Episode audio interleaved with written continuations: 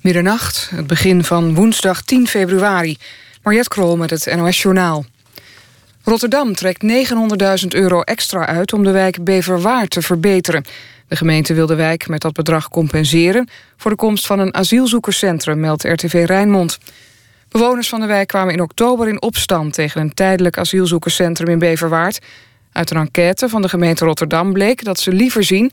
dat de wijk veiliger en schoner wordt... en dat huizen worden opgeknapt en er meer banen komen...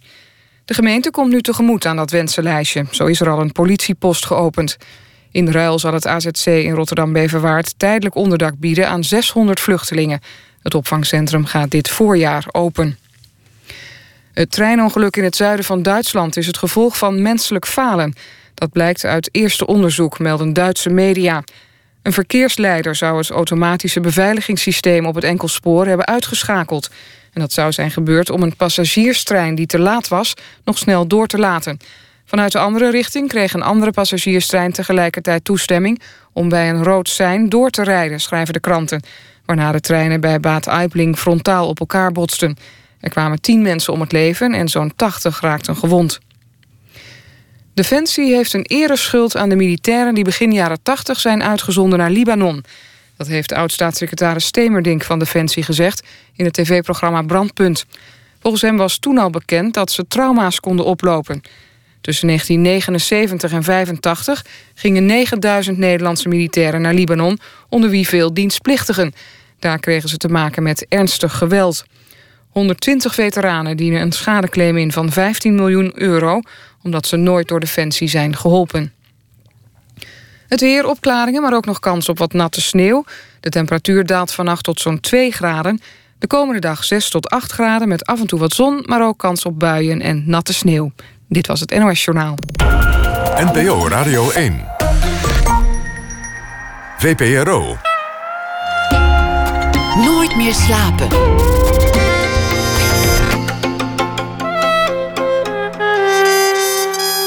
Met Pieter van der Wielen.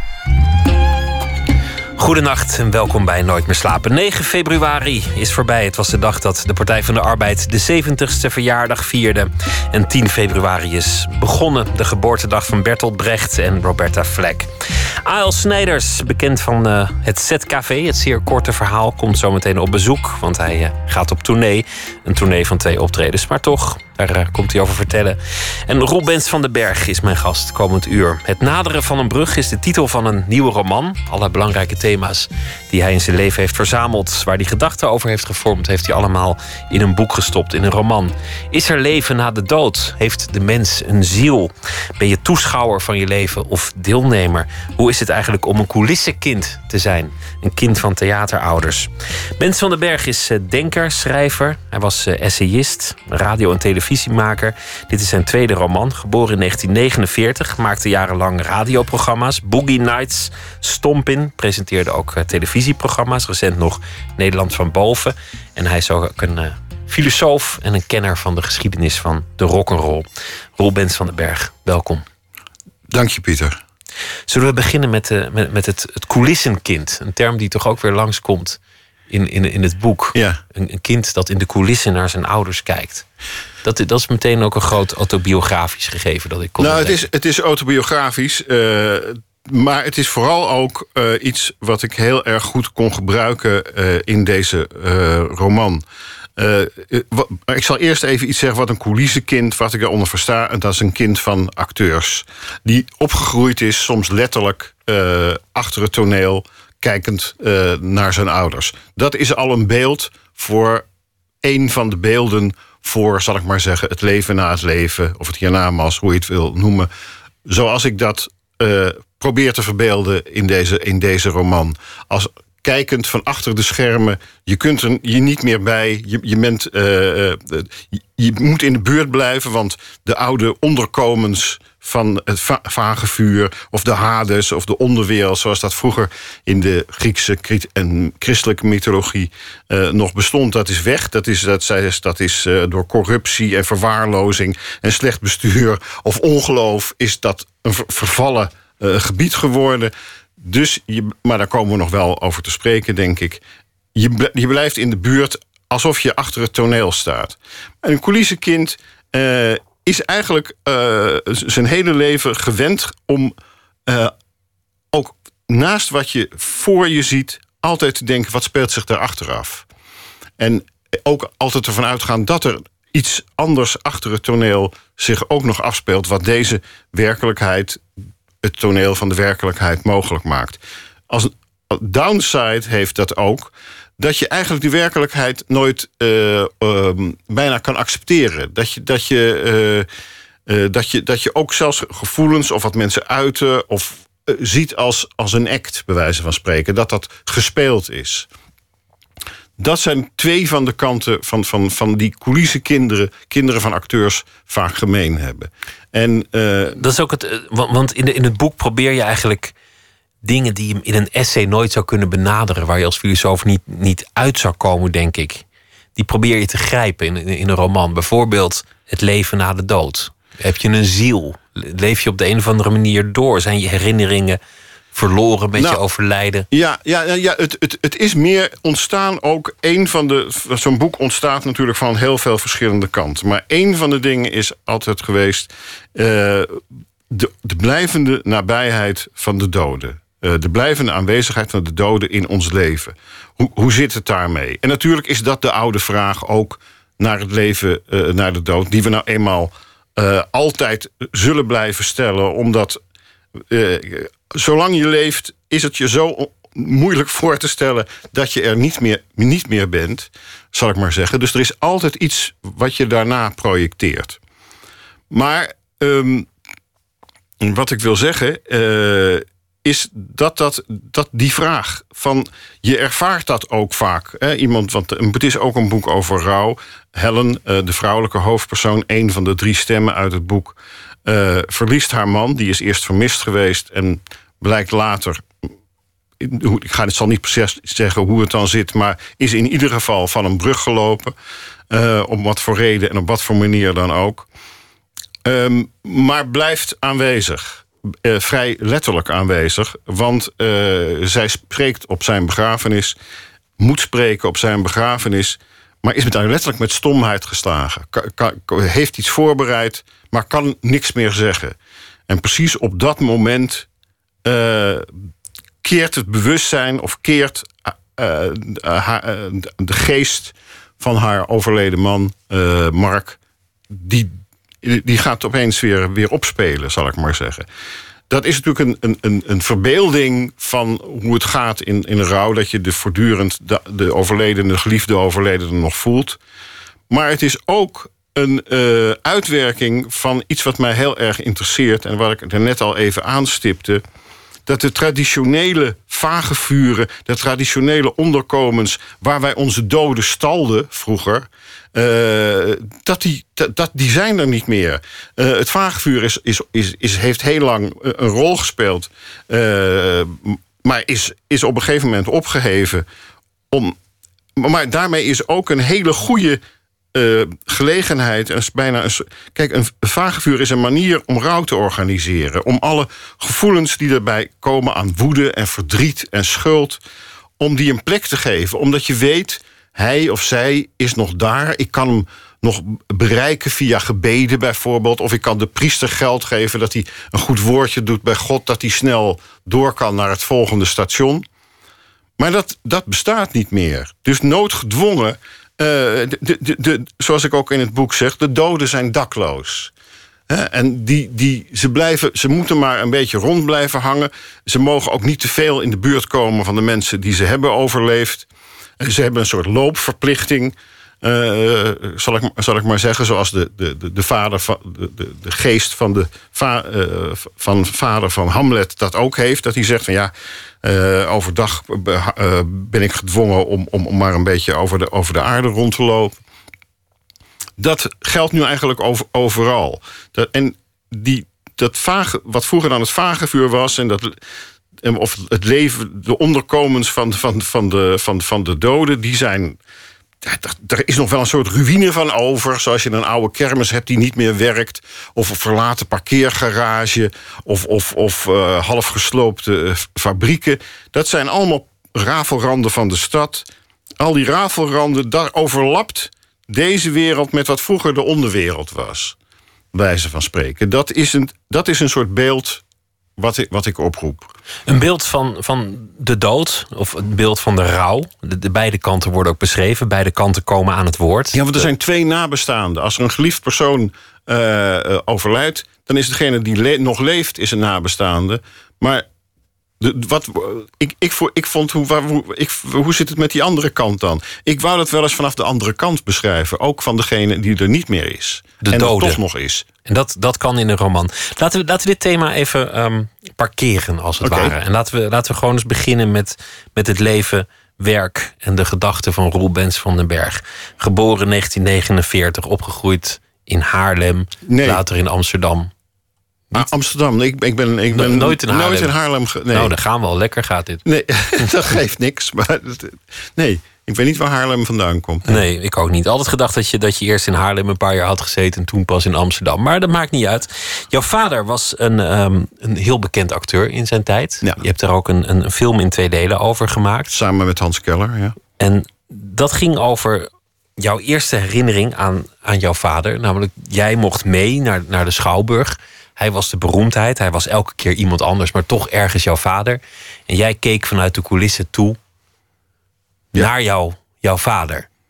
En dat, dat thema, een toeschouwer zijn, dat komt op heel veel manieren in alles wat je daarna gedaan hebt terug. Dat is een thema dat altijd is blijven fascineren. In je essays, in, in, in de roman.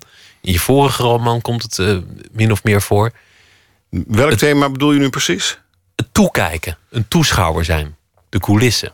Nou, de coulissen, ja, dat, dat, dat- ja absoluut. Omdat dat zo'n inter- Het is ook het gebied waar. eh, het is ook een tussenwereld. En daar gaat het in deze roman heel erg over. Over twee. Zowel Helen zit gevangen in een soort tussenwereld van rouw en, en, en machteloosheid en woede en verdriet in een huis. eh, waar, waar ze door een ongelukkige ruil terecht is gekomen. En, en waar ze min of meer gegijzeld is door, door vreselijke eigenaren. Als dus Mark na zijn dood in die tussenwereld, zoals ik die net eh, beschreef.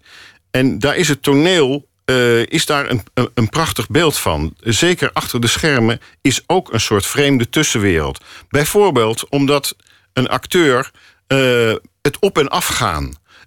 Er is een moment dat hij even niet meer het personage is op het toneel. En ook nog niet helemaal de persoon die hij als acteur is.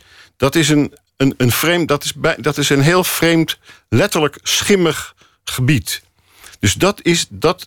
Die, die, dat heeft mij vooral altijd geboeid. Je kunt dat kijken noemen, maar het is ook ja, het is een manier van de werkelijkheid beleven. Dat, dat, je, bijna, dat je bijna altijd eh, ziet een punt waar die half aan het uit elkaar vallen is. En ook alweer half geconstrueerd eh, wordt. Dat geeft een bepaald soort gevoel, eh, een, een houding ten opzichte van de wereld. En da- dus dat, dat klopt. Daarom had ik ook het toneel toch ook weer nodig eh, in, in, eh, in dit boek. Maar het is ook een, een, een, iets dat jouw leven heeft bepaald voor een groot deel. Namelijk opgroeien als kind van, van een beroemd acteur. Ja. In die film die je over je vader hebt gemaakt, hou je een herinnering op aan je vader. En dat doe je door hem zelf na te spelen. Dat, dat werkt waarschijnlijk het mooist op, op beeld. Maar jij had de herinnering dat jij s'nachts thuis kwam als tiener van het stappen. Je was een jaar of 19. Ja, ja. Dan liep je dat huis in en dan zat hij daar met een glas met, met drank. Aangelengd met 7-Up was het geloof ik. Ja. Een wodka 7-Up. Ja, en, Jenever 7-Up. jenever ja. 7-Up. En dan rookte hij sigaretten. Ja. En dan zag jij alleen nog dat, dat lichtje van die peuk oplichten in dat huis. En hij zat niks te doen, voor zich uit te staren. En jij kwam thuis en hij wilde weten waar je nou weer was geweest. ja. Maar de wedervraag die stelde je nooit. Nee, wat er, wat er aan hem vrat. Want dat Wat zit was je daar nou te doen, pa? Ja, dat, er was duidelijk altijd iets eh, w- wat enorm aan hem vrat. Zeker in een bepaalde periode. eh, eh, eh, nadat hij eh, eh, eigenlijk de, de lol in, in het toneel een beetje aan het, aan het verliezen was door allerlei gebeurtenissen. Maar dat, dat klopt. Dat, dat is een soort oerscène inderdaad. Ook weer dat je bijna vanuit allebei een beetje vanuit de coulissen naar elkaar staat te kijken. En er niet toe komt om de echte vraag te stellen die je wil stellen van eh, wie ben je? Hoe, wie, eh, hoe- gaat het met je? Eh, wat vreet er aan je? En precies op het moment, bij wijze van spreken, dat is in, in die film dan zo ook zo gespeeld. Dat je tot contact wil komen, trek je allebei net allebei de deur dicht.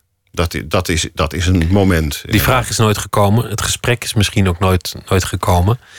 Jouw vader, Han Bens van den Berg, was in zijn tijd... wat, wat Pierre Bokma of Gijs Scholten van ja. Aschat nu zijn... en eigenlijk nog meer, omdat de Schouwburg toen veel meer dan nu de plek is waar het gebeurde. Hij was een beroemdheid. Hij, hij, was, een, hij was een ster.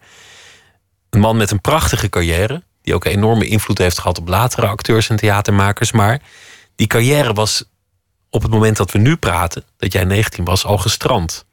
Ja, nou, er, er is een, het bekende, ik dat, ik vind niet of we daar nou weer te lang bij stil moeten staan, want het, het, het, het, is maar één draad. Maar inderdaad, dat de bekende actie tomaat. Uh, en waar ik een, een, omschrij een andere draai aan geef uh, in, in, in, in dit boek. Uh, in, in het boek is het zo dat de vader van Mark die eigenlijk min of meer tegen zijn zin zelfs Hamlet speelde. Want hij voelde zich eigenlijk te oud daarvoor, maar iets anders was mislukt. En hij wordt aangevallen tijdens de beroemde To Be or Not To Be monoloog door een man die op toneel springt en hem aan zijn jas trekt en zegt: Hou eens op met dat to be or not to be, al die twijfel. Actie moeten we hebben. Actie. En dat het erge daarvan, van, van, daarvan is, en dat is ook het erge is wat hem is overkomen, mijn echte vader, tijdens actie Tomaat, is dat je aan wordt gevallen, niet eens zozeer als persoon, dan kan je nog verdedigen, uh, maar in je rol, als personage. En uh, niet alleen als het personage Hamlet, maar als uh, elke goede act, elke acteur, denk ik, heeft wat ik dan maar zal noemen, een soort hoofdpersonage. van waaruit hij al die andere personages gestalte geeft. Zijn ziel, als je wil.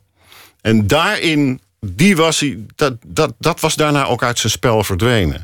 En dat, dat, dat heeft hem zo geraakt. En daar is hij je, aan ten onder gegaan. Als je leven bestaat uit theater en als, als je al, alles wat je in je hebt geeft aan dat beroep. en, en je ontleent ook je nou ja, je vriendschappen eraan, in, in je, je eer. En je wordt aangevallen op dat podium. Met, met een rookbom was het zelfs. Nee, dat was weer in de, in, de, in, de, in, de, in, de, in, de, in de werkelijkheid, ja, zeker. Ja. In, in de werkelijkheid heb ik het nu ook over. Maar je bent, je bent nergens zo kwetsbaar als op dat toneel natuurlijk. Dat... Dus die, die man was waarschijnlijk, dat was de suggestie ook in de film een gebroken man. De, de, vader die jij thuis rokend aantrof. Ja, dat, dat is wat er aan hem vrat. Dat, dat, dat hij uh, absoluut, ja. Dat weggestuurd was in zijn, in zijn eigen habitat. Een van de thema's die altijd in jouw leven een rol is blijven spelen... is, is de rock'n'roll. De oerschreeuw, zoals, zoals het universum een oerknal had... dat was uh, Little Richard aan het begin van Tutti Frutti. Oh ja, ja uit dit, nu gaat het even niet over dit boek. Hè? Nee, nee. nee zeker. Dat heb je ooit gezegd op, op de radio, want, want daar verklaarde jij liedjes aan de hand van de filosofie. Een van de liedjes die heel belangrijk voor jou is, dat is Etta James. I would rather go blind. Nou, die, hij is belangrijk in het boek, uh, Pieter. Dat is echt wel een onderscheid. Dus er zijn heel veel liedjes die ik mooi vind. Het, het, het, het, het, is, het is, ik vind het wel een van de mooiste soul ballads die er zijn. En ik, het laat hem een rol spelen, op de, ook weer in het eerste deel... wat de begrafenis uh, beschrijft. Omdat het zo'n uh, geweldige mengeling van uh, trots en gekwetstheid is. het gaat over pijn. Het gaat over iemand die zegt... ik, ik steek liever mijn ogen uit, bij wijze van spreek ben liever blind... dan te zien hoe jij uit mijn leven loopt. Wat precies Mark, de, hoofdpersoon, de mannelijke hoofdpersoon, heeft gedaan... die is uit haar leven eerst uit zijn eigen leven gelopen en, en, en daarna uit het leven uh, tout court. En, uh, en ze had het ook uitgekozen omdat het een van de eerste liedjes was die hij haar ooit heeft, heeft laten horen. En die mengeling van pijn, anticipatie van meer pijn en toch die trots en woede die erachter zit van maar ik, ik, ik ga, het gaat mij niet overkomen. Ik, ik, ik word liever blind dan dat ik jou zie weglopen. Dat vind ik zo mooi aan dat nummer van Etta James. We gaan er naar luisteren. Etta James, I Would Rather Go Blind.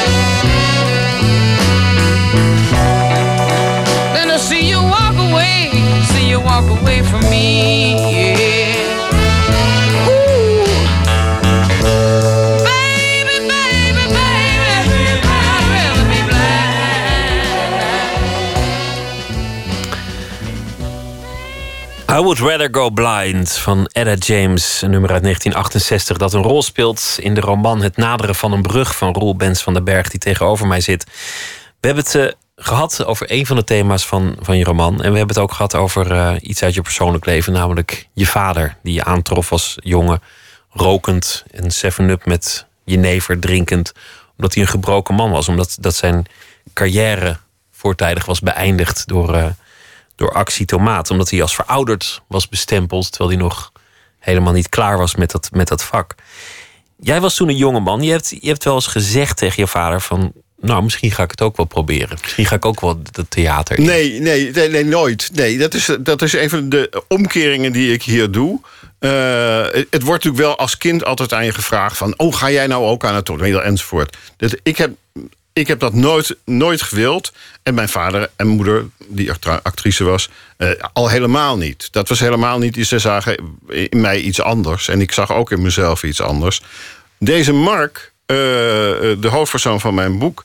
die doet het wel. En hij weet eigenlijk niet waarom. Maar uit een soort dwarsheid eh, gaat, hij, gaat hij dat wel doen. Dat moet hij heel erg bezuren. Want terwijl hij daar nog voor op de toneelschool zit... speelt zich die scène af waarbij zijn vader dus wordt aangevallen op het toneel. En is hij weer, daar is je thema weer, toeschouwer daarbij. En eh, de, wat hem eh, heel erg raakt... dat hij daarbij toeschouwer heeft moeten zijn.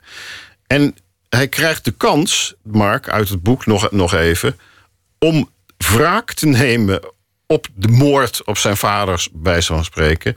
door een solovoorstelling te gaan doen van Hamlet. Waarin hij dus op een bepaalde manier eh, weer kan samenvallen met, met zichzelf en met zijn vader... door dat nu wel tot een goed einde te brengen, die, die Hamlet. Dat pakt verkeerd uit eh, op een bepaalde manier, want eh, hij raakt, zoals ik dat zeg, niet, eigenlijk steeds verder weg achter de schermen van zijn leven. Hij heeft niet de echte motivatie. Hij kan het niet met motivatie spelen. Er wordt een soort eh, droomwerk, eh, therapie op hem losgelaten. is misschien te ingewikkeld om nu uit te leggen. Maar hij krijgt zelfs, eh, waarin hij ook weer van zijn vader droomt...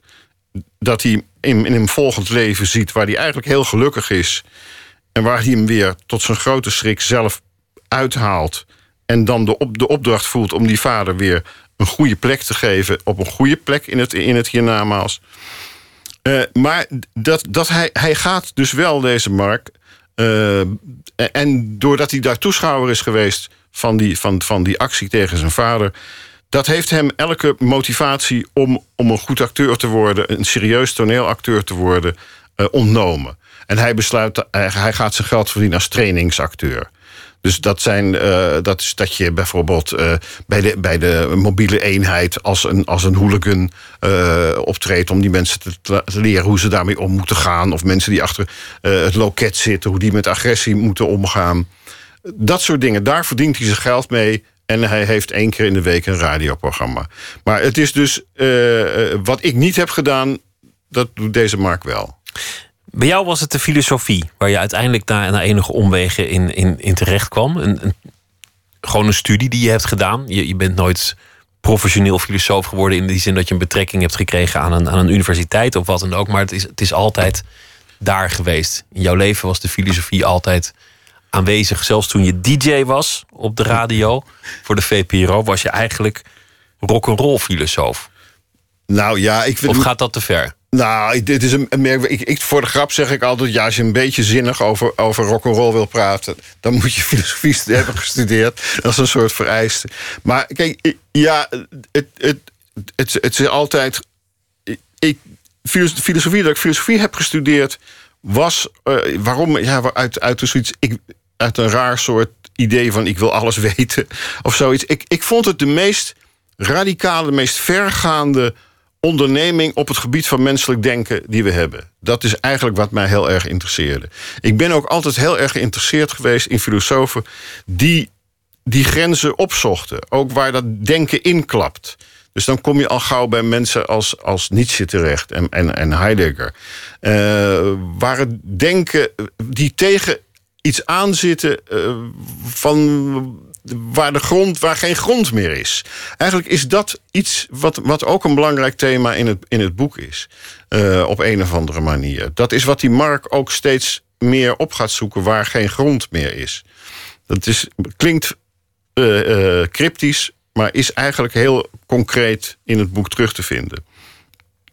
Maar ik heb dat altijd. Ik, dat, dat, ik, en, en ik, bovendien vond ik het ook. Mijn ambitie is eigenlijk altijd geweest vanaf mijn dertiende, twaalfde om te schrijven.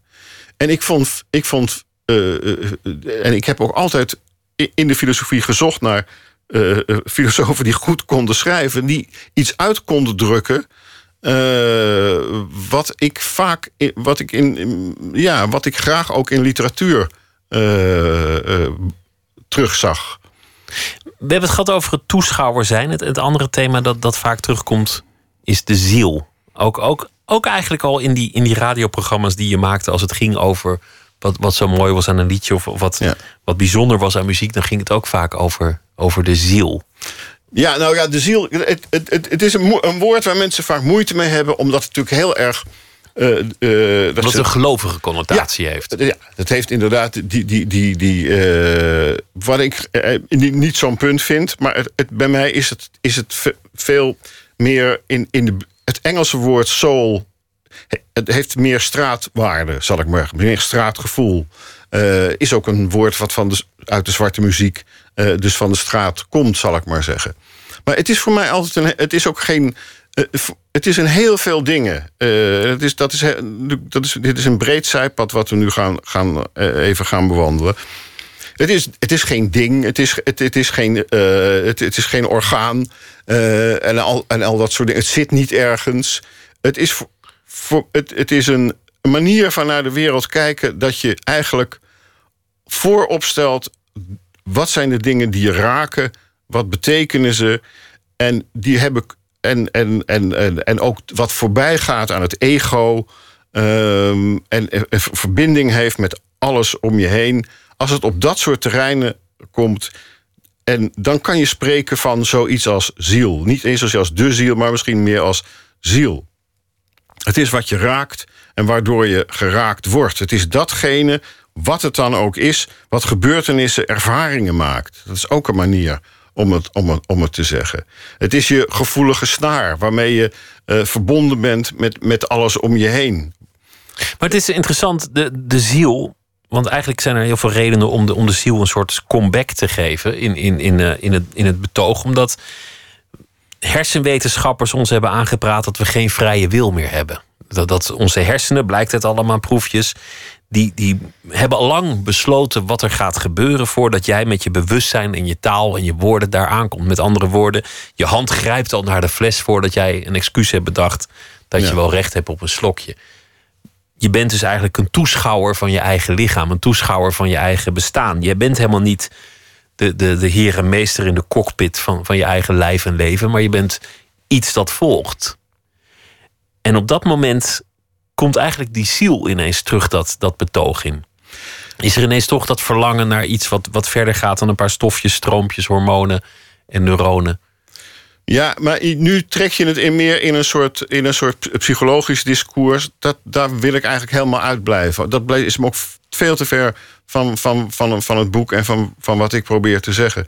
Eh, Voor mij is, is ziel, eh, als ik het daarover heb, is, is, ligt veel meer bij literatuur en bij poëzie en bij wat je ervaart in muziek en wat je ervaart in je relatie met mensen. eh, wat, wat, wat, de, de, de, de, essentie van dingen die je in je hart hebt. Eh, hoe dat verder eh, wetenschappelijk enzovoort verklaart, dat zal mij worst wezen. Daar, ga, daar, daar gaat het jou niet om. Nee, je- totaal niet. Nee. Dat is niet waarom de ziel nee, nee, jou nee, nee. Voor, voor mij het is, nee, het is een manier van kijken. Voor mij is is gewoon een. een, een, een, een eh, ik, het is, ligt veel dichter bij, bij, bij de. ik, als je dan toch een model wil hebben voor, voor de ziel, dan ligt dat veel dichter bij de Griekse mythologie. Eh, waarin een, een, echte. Het, heeft met verbeelding te maken. Verbeelding en ziel, dat zijn twee handen op één, één buik. En, en eh, verbeelden van, van wat ons drijft.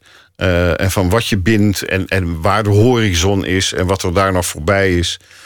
eh, dat, is dat heeft allemaal met ziel te maken, zal ik maar zeggen. En, daar, en, en met, daar, vandaar ook de verbinding met, met dood. En, en, en dat is ook een dimensie die daarbij hoort. Even los van het, van het boek. We, la- we laten het boek heel even rusten. Daar komen we straks op terug. Waarom is de rock and roll zo- zo'n ideaal Nou, rock'n'roll. canvas ik- om, ja. om, om filosofie op te Wel, bedrijven? nee, ja, dat, dat, dat, dit, dit is echt ver van het boek hoor. Vind ik, dat vind ik jammer, want dat. eh, ik, ik ben er al Maar we zitten hier een uur. We hoeven toch niet alleen over Nee. het boek te hebben? Nee, ik ben nou in, in die zin. Het, het, het, het, het, het is rock'n'roll klinkt als. Het is ook een, een, een soort houding. Wat ik, daar, eh, eh, wat ik daar interessant in vind. De, het, de, de, de oerkreet, inderdaad. De opwinding. De, de, de vita- vitaliteit.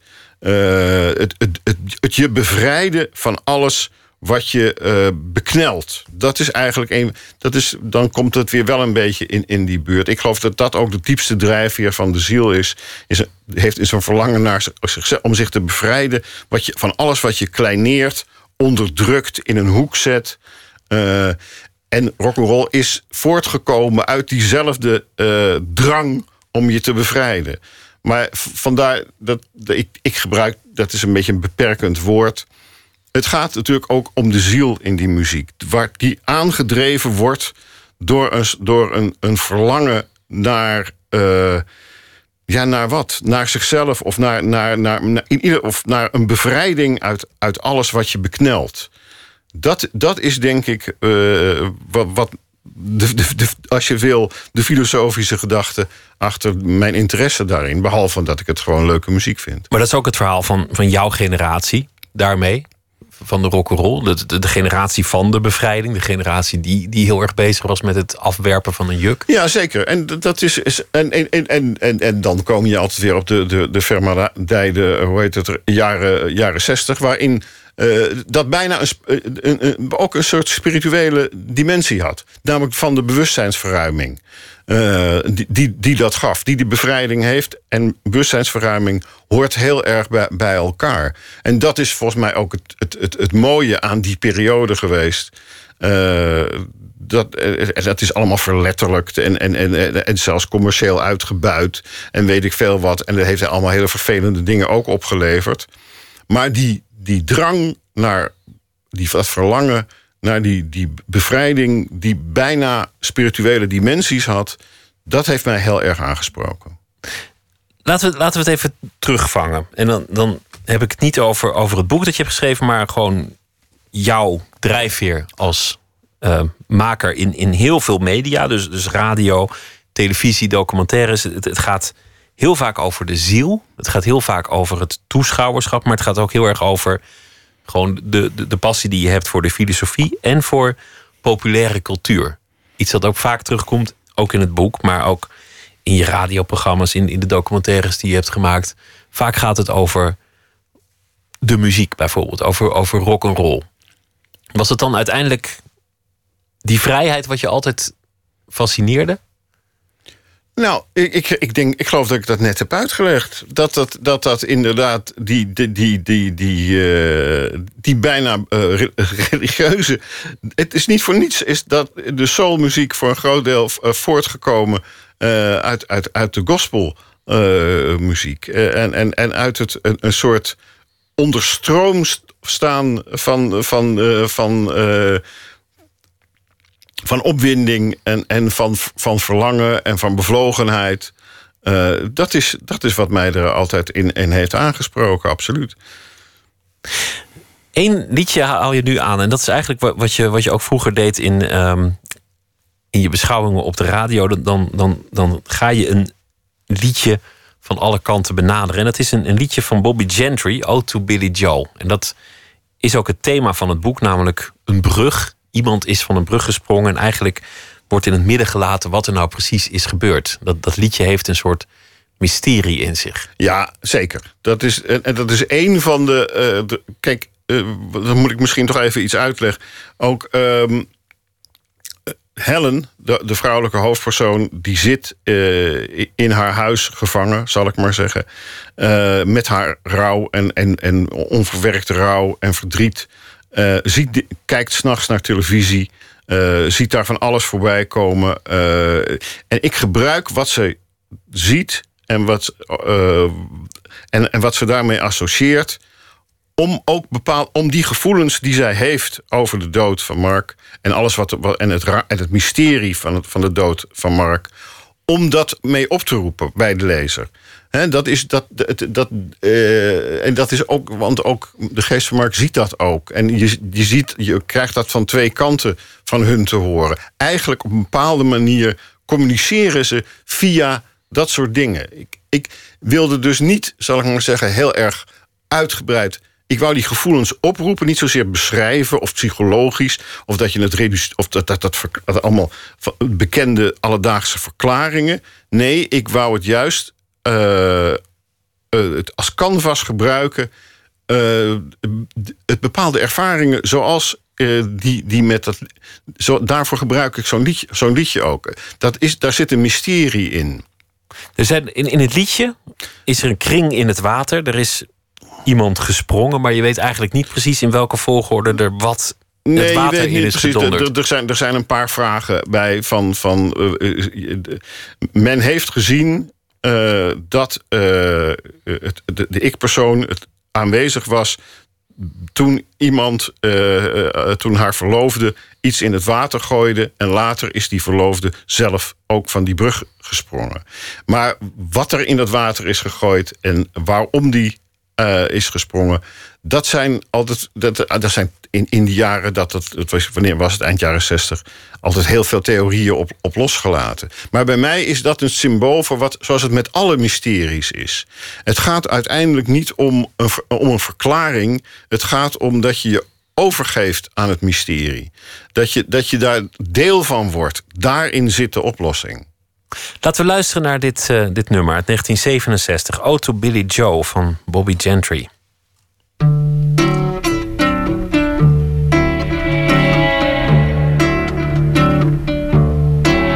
It was the 3rd of June, another sleepy, dusty Delta day. I was out chopping cotton, and my brother was baling hay. Stopped and walked back to the house to eat. And mama hollered at the back door, y'all remember to wipe your feet. And then she said, I got some news this morning from Choctaw Ridge. Today, Billy Joe McAllister jumped off the Tallahatchie Bridge. Papa said to Mama as he passed around the black eyed peas. Well, Billy Joe never had a lick of sense. Pass the biscuits, please. There's five more acres in the lower 40 I got to plow. And Mama said it was a shame about Billy Joe, anyhow. Like nothing ever comes to no good up on Choctaw Ridge. And now Billy Joe McAllister's jumped off the Tallahatchie Bridge. And Brother said he recollected when he and Tom and Billy Joe put a frog down my back at the Carroll County Picture Show.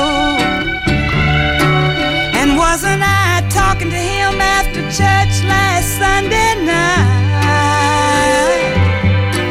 I'll have another piece of apple pie.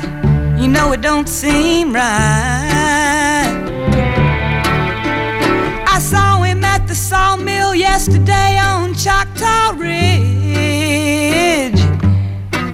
And now you tell me Billy Joe's jumped off the Tallahatchie Bridge. Mama said to me, child, what's happened to your appetite? I've been cooking all morning and you haven't touched a single bite. That nice young preacher, Brother Taylor, dropped by today. Said he'd be pleased to have dinner on Sunday. Oh, by the way, said he saw a girl that looked a lot like you up on Choctaw Ridge. And she and Billy Joe was throwing something off the Tallahatchie Bridge. A year has come and gone since we heard the news about Billy Joe. Brother married Becky Thompson, they bought a store in Tupelo. There was a virus going round, Papa caught it and he died last spring. And now Mama doesn't seem to want to do much of anything. And me, I spend a lot of time picking flowers up on Choctaw Ridge and drop them into the muddy water off the Tallahatchie Bridge.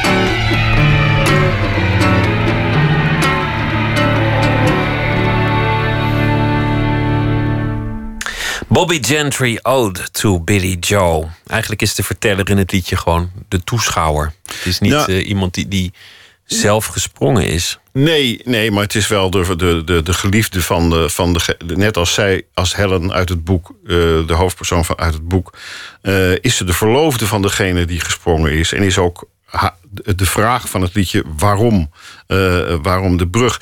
En, en eh, daarmee is Bo- Bobby Gentry, of het, eerder gezegd het meisje, de ik-persoon uit het liedje, wordt een van wat ik dan noem in het boek de vriendinnen van, eh, van, van Helen. Ook allemaal vrouwen met wie ze zich identificeert. Op een of andere manier vanwege hun lot. Zo is er een vrouw die ze de vrouw met de arm noemt. Die heeft ze op televisie over horen praten. Een vrouw die na de dood van haar man ehm, onder de trein is gaan liggen. Dat mislukte, alleen haar arm werd er afgesneden. En toen is ze eh, met die arm onder haar arm naar een brug gelopen en daarvan afgesprongen. Dat is iets wat Helen op televisie heeft gezien. Daar, dat is ook iemand die haar enorm bezighoudt.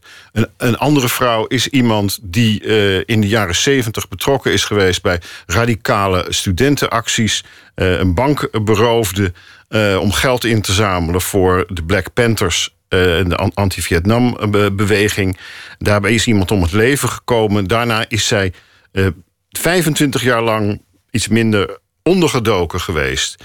En, en, en een gevangene dus geweest van een andere identiteit. Dat is ook iemand met wie Helen uit het boek zich identificeert. En zelfs iemand in wie zij de oplossing ziet om uit haar situatie te komen. Dat, dat gaat, hoe dat gaat, ga ik niet zeggen, want dat is echt een, een plotding. Maar dat, dat geeft die spanning. Zij heeft dat soort. En Etta James misschien hoort er ook bij. eh, op, op die manier, dat zijn haar vriendinnen. Daar probeert ze kracht uit te putten, eh, Helen, om op een gegeven moment terug te gaan naar de plek.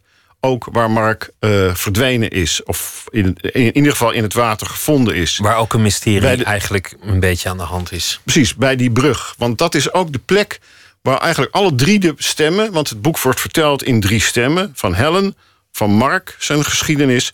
en de geest van Mark. Die rondzwerft in dat eh, leven na- dat hiernamaals... in, in, in dat vreemde eh, tussenwereldgebied... zoals ik dat oproep in, in het boek. En alle drie komen ze samen. Dat is het naderen van alle drie van die brug. Daar, daar gebeurt iets. Dat, en ik hoop ook vooral dat dat met de mensen dat lezen, dat er dan iets met de mensen zelf gebeurt. Daar, daar gebeurt iets. En daar, daar, in ieder geval, daar passeren ze elkaar alle drie. Het En leven daar- in en het leven uit en het leven weer in. Het naderen van een brug. Die brug is uiteindelijk belangrijk. Roel Bens van den Berg, we hadden, we hadden het al een beetje over je eigen leven en een beetje over het boek. Jij dacht, ja, waarom moet ik eigenlijk over andere dingen praten dan, dan mijn boek? Waarom vraag je naar mijn vader? Waarom vraag je naar mijn radioverleden? Waarom vraag je naar mijn essay? ik snap het, want het zit er allemaal in. Want het zit allemaal in je boek. De Zeker. radio komt erin voor, een, een, een theaterverleden Ja, komt erin voor. Helemaal waar. De filosofie komt erin voor, de rock and roll komt erin voor. Het, het, eh, gedachten die voor jou altijd belangrijk waren over de ziel komt er, komt er ook uiteindelijk Zeker. in terug. Maar waar het in grootste essentie over gaat, is de dood. Nou, Dat is waar dit boek. de toch- doden. de Meervoud. doden. Ja, Nou nou, ja. Tenminste, de, de, de, de verhouding tot, tot de- inderdaad, verhouding levenden en doden. Waar, de plek die de doden in ons leven eh, innemen. Over rouw gaat het. Zeker, Niet zo lang geleden is onder meer jou- jouw zus overleden. ja. Is, is dat ook voor jou het moment geweest dat je, dat je ging nadenken over dat thema en dacht, daar, Nee. daar wil ik iets mee? Of had het Nee, het, het, het, het maakte het wel heel erg uh, navrant. Ik, eigenlijk het thema, ik moet heel eerlijk zeggen dat, het, uh, dat het, uh, de, de, de eerste aanzet van dit boek is eigenlijk al in 1978. Had misschien met de dood van mijn vader te maken, die in 76 is overleden. Uh, waar ik heft, veel weet van heb gehad en ook heel veel bepaalde dromen van heb gehad. Ik schreef in die tijd nog poëzie. Uh, ik heb daar een lang gedicht over geschreven, uh, waarin de brug ook weer een hoofdrol speelt. De brug als het soort. Uh, het, schip van onze dood, zal ik maar zeggen. zoals de brug op een schip. Dat, dat speelde daar. En daar is eigenlijk. En die brug als een soort de overgang, kruispunt van leven en dood. Zichtbare wereld, onzichtbare wereld heden, verleden en toekomst wat daar samenvalt. De stroom, eh, zoals je op een brug hebt, dat het verkeer gaat over de brug en, het, en er een andere stroom gaat onder de brug van het water.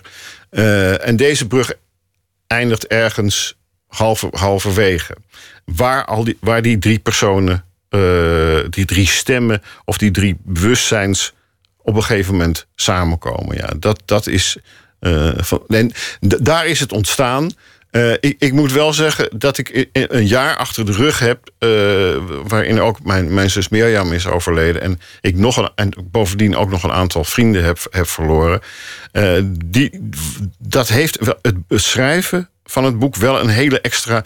Vooral het afschrijven van het boek een hele extra lading gegeven. Want het is zo'n ongrijpbaar thema, de, de dood. Want, want wat je net terecht zei. De, we hebben afgesproken, de doden zijn dood, maar ze zijn alomtegenwoordig. Ja. Ze zijn niet weg. Nee. Ze zijn in je leven, ze bestaan nee. nog. Precies. In volle glorie. Je hebt nog een, een gesprek met ze. Juist. Je relatie ontwikkelt zich. Maar, maar de oneerlijkheid is dat ze niks meer van zich laten horen. Nee, of, of, of ze proberen het misschien. Ik bedoel, dat is ook een, wat ik een mooi idee vind in ieder geval. Een mooie verbeelding. Van ze proberen het wel tegen ons te praten. Bijvoorbeeld, de doden, zoals ik dat noem, hebben een soort recht van overpad in onze dromen. In onze dromen kun je doden tegenkomen. Ze, zeker ook in dit boek. Ze kunnen iets, iets tegen je zeggen. Ze hebben iets, en ze kunnen je proberen, iets proberen duidelijk te maken. En over, over hoe het met ze is. Uh, dat. Uh, het toneel is ook zo'n plek waar doden en levenden ook door elkaar lopen. Of iemand, een, een, een personage is ook een soort van ghost, is ook een soort geest. Of je op een toneel een levende, daar spelen ook geesten. Neem maar Hamlet, bekende voorbeeld, vader van Hamlet, maar er zijn er meerdere. Het maakt niet uit of een personage levend is of dood. Je ervaart hem als toeschouwer even echt. Dus ze zijn heel erg aanwezig. Dat toeschouwerschap vind ik ook een mooie metafoor. En de droom trouwens ook. Om, omdat het zo'n eenzijdige relatie is. Jij kan wel tegen de doden nog iets zeggen. Of, of hem een brief sturen of een mailtje of wat dan ook. Ja, maar ik, mensen dat ook ja, maar ik, Dat doen. is precies wat ik probeer ook om te keren. Ik, dit, ik vind één dat we, we, moeten in gesprek blijven met het niet zijn, heb ik iemand wel eens horen zeggen. Daar ben ik het mee eens. Ik, de, ik denk, we moeten de doden, uh, dat probeer ik ook hier, een stem geven. Naar, uh, als, je, als je goed luistert, dan, en misschien waar dat dan ook vandaan komt.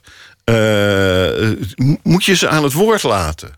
En dat, en dat heb ik letterlijk proberen te doen. Ik heb, ik heb letterlijk één, één dode genomen die, eh, wie, wie, die, die, die aan, het, aan het woord is. Die een volwaardig personage in het boek is. En, Ja. een, en een volwaardige stem in het boek. En een beetje op jouzelf lijkt. Ook in, in bepaalde opzichten. Is, Ja. is dat ook iets, iets dat gekomen is met, met het sterven van mensen in je omgeving... en het schrijven over de dood... dat je ineens ook over je eigen vergankelijkheid na ging denken... en je daartegen ging verzetten? Dat is een goede vraag. Ja, dat is een goede vraag. Dat, eh, eh, ik, ik ervaar, ik moet, eh, misschien is dat iets van mij. Ik, ik erv, ik, ik, dat is nooit ver weg op een of andere manier, de dood. Eh, ik, ik heb daar altijd een, een, dat dat zijn en niet zijn aanwezig. Dat kun ik ook zeggen. De, de verhouding van zijn en niet zijn, of van aanwezigheid en afwezigheid. Ik, ik ben me altijd bewust geweest hoe doortrokken ons leven is ook van de dood. En hoe doortrokken de dood is van leven misschien dan ook wel.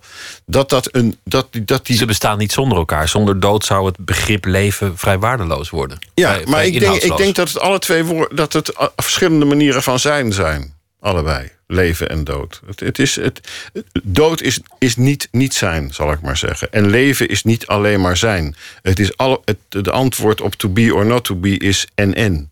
Het is, het is je een je maakt ook een, een voorstelling van een soort hiernamaals... waarbij de doden toeschouwer zijn geworden. Waar- Ja. Waarbij de doden er nog wel zijn... maar, maar niet, niet mogen handelen of spreken, maar, maar kunnen kijken. Dat is eigenlijk veel erger dan het nihilistische beeld... dat je gewoon dood bent, dood, licht uit, stekker eruit. Nou, er- nee, er is, het is, het is, eh, is- we weten niet precies hoe het dan zit. In ieder geval, ze, ze, het, ze hebben een nabestaan, een soort na-eil-effect van het bewustzijn. Waarin ze inderdaad, zoals je zegt, vooral eh, toeschouwer zijn. Wat die, die machteloosheid oplevert. Maar er zit ook wel iets in van ja. eh, al werkt het allemaal dan niet meer zo goed als vroeger, die hele protocollen en die reglementen. Want het is v- hoe dat in, in, in elkaar zat en wat er met je ziel gebeurt als je dood bent. Maar ja, er, is, er blijft ook wel een soort van vage nieuwsgierigheid van ja, er moet. Er, eh, misschien heb ik nog een andere bestemming, ook als dode hierna.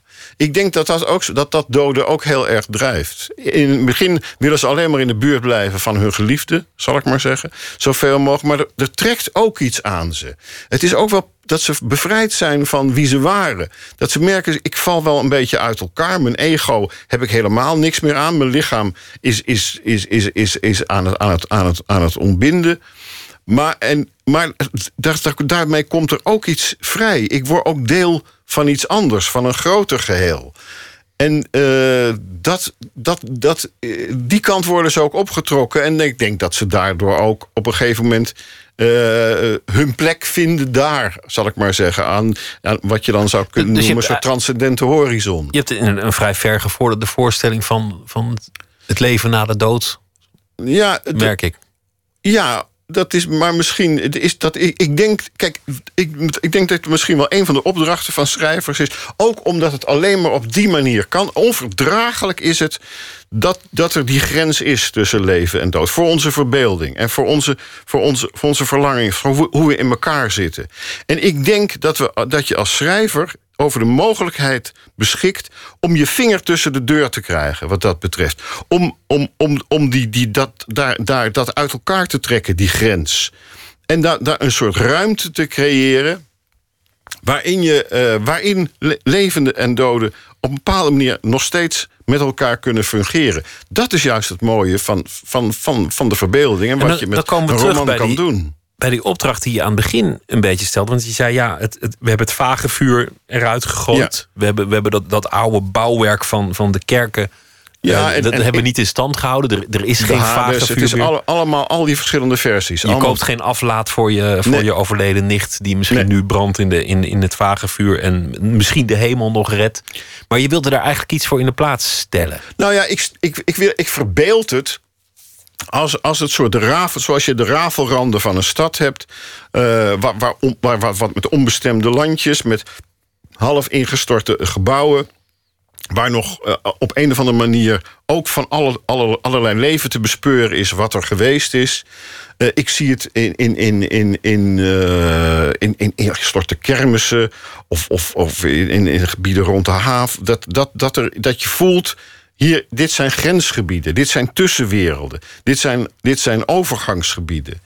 En daarin leeft iets wat, eh, ja, eh, waar, waar, da- daarin kun je de aanwezig, hun aanwezigheid heel erg merken nog. Het is heel mooi- het is daar voelen om ze daar- zich ook thuis. Om daar als schrijver mee aan de gang te gaan. Want, want ja, de wetenschap kan je daar niet in helpen. Je kunt niet iemand doodslaan en dan een soort touw om zijn middel... en Nee. dan terugtrekken Nee, en doe verslag. Wetenschappen, nee, verklaringen kunnen, kunnen ons niet helpen. Rationele verklaringen, da- da- daarmee kom je er waarschijnlijk niet. Het, het, is bijna, het is bijna lullig om te zeggen tegen iemand die, die net rouw heeft meegemaakt. Maar wat als het nou gewoon zo zou zijn? En ik kom daar steeds toch wel op uit als ik erover nadenk. Dat, dat er gewoon echt niks is. Dat het gewoon, dat het gewoon is van licht uit, stekker Ja, maar eruit, dat, zeg je als levende. Ik bedoel, dat, Ja. dat, dat, dat, dat- ik, ik, ik wil dat een dode wel eens horen zeggen. En dat, dat is precies wat je met de verbeelding kan doen. Dat, dat je daar een, een ander beeld van... En het klopt ook niet met, met, met het leven zelf. Het leven zelf is ook doortrokken van dood en van niet zijn... en van afwezigheid. En, en, en, en alles wat je met, met, met dood kunt associëren. Dat is... En, de grens met, met, met die, is, die is dun. Dat, dat, is, dat is poreus. Ik denk dat we. Om, het is metaforisch gesproken natuurlijk, want het is, het, het is ook eh, het, het is een beeld voor iets. Maar wat je kunt proberen, eh, eh, wat, wat je als waarheid kunt ervaren, door eh, juist in zo'n boek eh, eh, die, die, zowel de levenden als de doden door een, bepaalde ontwikkeling mee te geven. Waardoor ze op een gegeven moment samenvallen. En dan heb je het misschien niet iets verklaard. Maar daar ging het mij ook helemaal niet om natuurlijk. Want het is, het is, een, het is een roman. Maar wel, je hebt wel iets ervaren. En je kunt, als het goed is, ervaren van... ja, dit klopt. En dan heb je opeens een ander, eh, ander eh, punt bereikt... Dan je, dan, dan je bent vertrokken. In die zin is het ook een boek een beetje wat, wat, wat eh, als een soort zo'n spiritueel reisboek. Zonder het woord spiritueel is een beetje eh, lastig. Maar ik bedoel, ik heb ook natuurlijk gedacht aan, aan boeken als Reis naar het einde van de nacht van Celine, On the Road van Jack Kerouac, wat ook een spirituele reis is. Pilgrim's Progress. Het is, dat zit er allemaal wel in dat. daarom heet het ook niet voor niets het naderen van een brug, wat een soort ontwikkeling een, een, naar, een, eh, naar een bepaalde punt eh, Ik bedenk me nu ineens, dit, dat is eigenlijk ook een, een, een metafoor voor het leven. Zoals jij zegt, je gaat een brug over naar, naar, naar, van het leven naar het doden. Dan, Ja. dan is het hele leven dus het, het naderen van een brug. Ja, absoluut. Maar, en, en, en, absoluut. En, maar ik denk dat. En ik probeer die brug van twee kanten tegelijk te benaderen. Van deze zowel als van gene zijde. Je hebt eigenlijk gewoon lak aan die, die afspraak van dood en leven zijn eh, strikt gescheiden.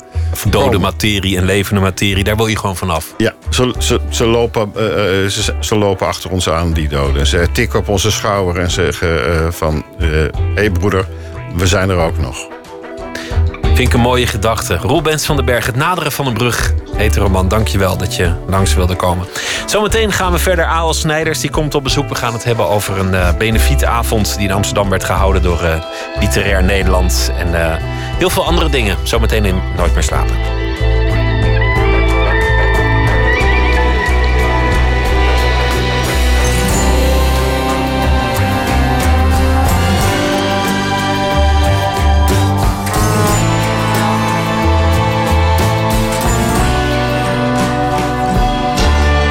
Radio 1. Het nieuws van alle kanten.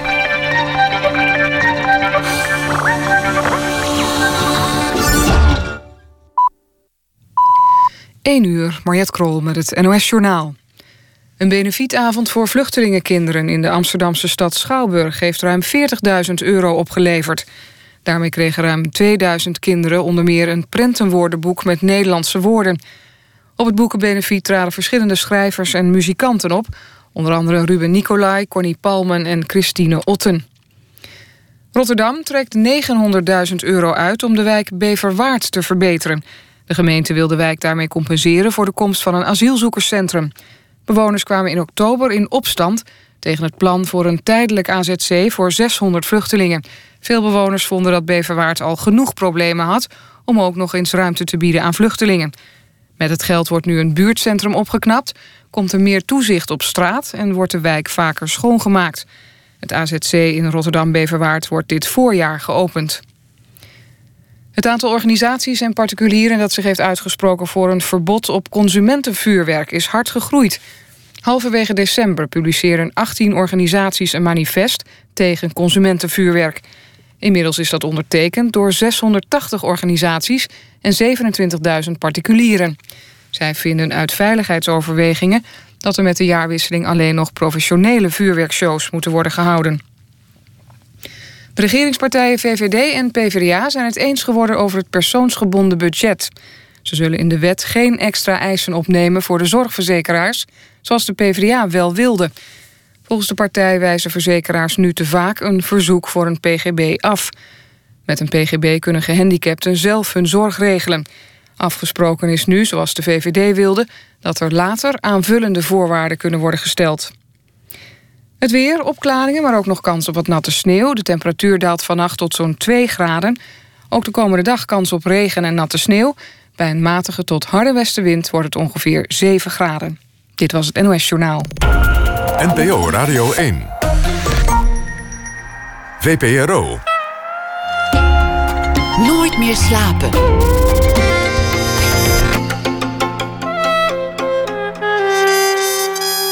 Met Pieter van der Wielen. Fotograaf en historicus Mark van Hattem gaat naar eigen zeggen meer dan 150 jaar terug in de tijd door gebruik te maken van pinhole camera's. Met gomdruk, zonder lens, zonder verstelbaar diafragma en zonder scherpstellen. Straks hoort u hoe dat allemaal werkt. A.L. Snijders komt langs, bekend van uh, zijn ZKV's. Zeer korte verhalen, want hij gaat op tournee. En Thomas Heerma van Vos zal deze week elke nacht een verhaal maken over de voorbije dag. Hij is uh, schrijver, heeft uh, meerdere boeken geschreven, waaronder de roman Stern en de verhalenbundel De Derde Persoon.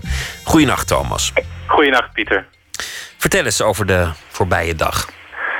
Nou, ik kom net, uh, ik ben net eigenlijk thuis van een benefietavond voor vluchtelingenkinderen, waar ik zowel jou als het journaal uh, iets over hoorde zeggen. En dat was uh, dat komt zo geloof ik in het programma ook nog aan bod. Maar dat was een initiatief van Dimitri Verhulst om geld in te zamelen voor vluchtelingenkinderen. En dat werkte wonderlijk goed. Het was in de stad Schouwburg. Heel veel mensen lazen iets voor. Er werd veel geld ingezameld. En het was een mooi idealistisch iets zonder cynisme wat dan ook nog werkte. En ik las daar heel kort iets voor. Het draaide ook helemaal niet om mij. Maar dat vond ik uh, ja, hoopgevend op een bepaalde manier. Dus dat, dat zo'n dag was het. En mijn column gaat over iets wat ik vanochtend in de NRC las over het uh, letterkundig museum. Goed, ga je gang. Ja. Ik hoop dat de, dat de lijn het houdt, want er zit een, zit een soort van uh, ja, geluidjes in of, of, of iets. Maar uh, ik heb oh, geen verstand van telecom. Het kraakt weer. Ja, maakt niet uit. We gaan het gewoon proberen. Ik ben benieuwd naar je column. Ja. Nederland laat zijn literaire erfgoed verstomten, zei Aad Meijnerts vandaag in NRC Handelsblad. Meijnerts is directeur van het Letterkundig Museum dat sinds de cultuurbezuiniging in 2013 noodgedwongen de helft van zijn personeel ontsloeg. Het gevolg? Aanzienlijke hoeveelheden van de verzamelde brieven en manuscripten kunnen niet geopenbaard worden. Er zijn amper nog specialisten in dienst. Er is amper budget voor grote aankopen. Een door Meinders genoemd voorbeeld, het manuscript van Berlefs hersenschimmen. Dat werd onlangs geveld, maar het Letterkundig Museum kon het niet betalen. De vraag die dan bij mij opkomt, hoe erg is dat nou eigenlijk? De afgelopen jaren zijn voortdurend dezelfde argumenten herhaald. Op kunst moet niet bezuinigd worden. Cultuur is juist wat het leven de moeite waard wat het leven de moeite waard maakt, pardon. Allemaal waar, maar wat heeft iemands oorspronkelijke manuscript daarmee te maken? Of de brieven die Bernlef gedurende zijn leven allemaal schreef. Ik vind zulke dingen ook interessant. Ik wil ook weten welke dia's Hermans gebruikte bij Nooit meer slapen. Maar is dat allemaal cruciaal voor literair erfgoed? Verstond je dat meteen als je hier geen aandacht aan geeft? Tijdens mijn studie Nederlands werd me aangeleerd boeken los te bekijken van de auteursintentie. Het ging uitsluitend om de tekst zelf. Wat voor waarde heeft een oerversie van hersenschimmen... behalve voor de spaarzame figuren die zich beroepsmatig met het boek bezighouden? Moeten we niet af en toe ook durven zeggen... het gaat vooral om dat het boek zelf leverbaar blijft... en dat het nog gelezen wordt. Dan is het literaire erfgoed in eerste instantie levend. De rest bijzaak. Bovendien, een andere vraag, moeten we wel willen weten... hoe elk succesvol boek er in een oervorm uitzag. Welke doorhaling een auteur op welke pagina gebruikte. Deze week heeft het Letterkundig Museum een website gelanceerd literatuurmuseum.nl. Waarop vier schrijvers een maand lang gevolgd worden tijdens het schrijven van een verhaal. Ik ben één van die vier schrijvers en via een programmaatje op mijn laptop wordt alles gevolgd wat ik doe. Hoe lang ik typ, hoe lang ik stilval, hoe vaak ik ondertussen op Facebook kijk, welke zinnen ik schrap. Het is een even eervolle als vreemde gedachte dat al die handelingen blijkbaar de moeite waard zijn. Dat die nu dus ook gaan gelden als vorm van literair erfgoed. En terwijl ik voorzichtig aan dat verhaal zit te werken, betrap ik mezelf steeds op de gedachte... wat maakt het nu eigenlijk uit met welke intervallen ik dit precies opschrijf? Het gaat er uiteindelijk toch om dat het verhaal zelf volstaat en verder niets. Dat is uh, duidelijk, Thomas. Toch, ik heb altijd wel een soort zwak voor, voor, voor erfgoed. Voor, voor, weet je wel, voor uh, nou ja, de, de, de historische verzamel dingetjes die je die ergens kunt opduiken. Als er, als er dan ergens in de vitrine de, de sleutel ligt van de Bastille, van de Franse Revolutie, of, of, een, of een, uh, een haar van de profeet Mohammed, of uh, de pen van Harry Mulisch. Ik, ik vind dat soort dingen mooi. Ja, ik vind het ook mooi, maar om, om bij de literaire te blijven, de pen van Harry Mulisch, ik vind niet dat daar vanzelfsprekend tienduizenden voor betaald moeten worden, of dat daar vanzelfsprekend subsidie uh, voor hoeft te komen. Helemaal niet dat ik er tegen ben, maar uh, ja, om het allemaal literair erfgoed te noemen en dus te zeggen... dat verslonzen we als we de pen van Harry Mulisch niet op een altaar kunnen leggen. Dat vind ik, dat vind ik ook wat kras gaan. Maar ik deel wel die liefde juist ook voor die, nou ja, die, die, die kleinigheden en die dingen eromheen. Ja, dat, dat heb ik ook wel. Uh, maar het is niet allemaal cruciaal voor het literaire erfgoed... wat dat ook precies mag behelzen. Nee, nee, de, de, de typemachine van Elschot... Die, die mag ook best naar een particuliere collectie wat jou betreft. Ja, zolang die boeken er maar blijven. Oké, okay, het uh, boek op de eerste plaats in de pen van Harry Mulisch naar uh, de veiling. Ja. Dankjewel, Thomas. En een goede nacht. Ja, hetzelfde. Tot morgen. Tot morgen. Een van de ontdekkingen van vorig jaar volgens de muziekpers was zangeres Natalie Press. En nam een eerste album op met producer Matthew E. White. En nu maakte ze als duo ook nog een single met als titel Cool Out.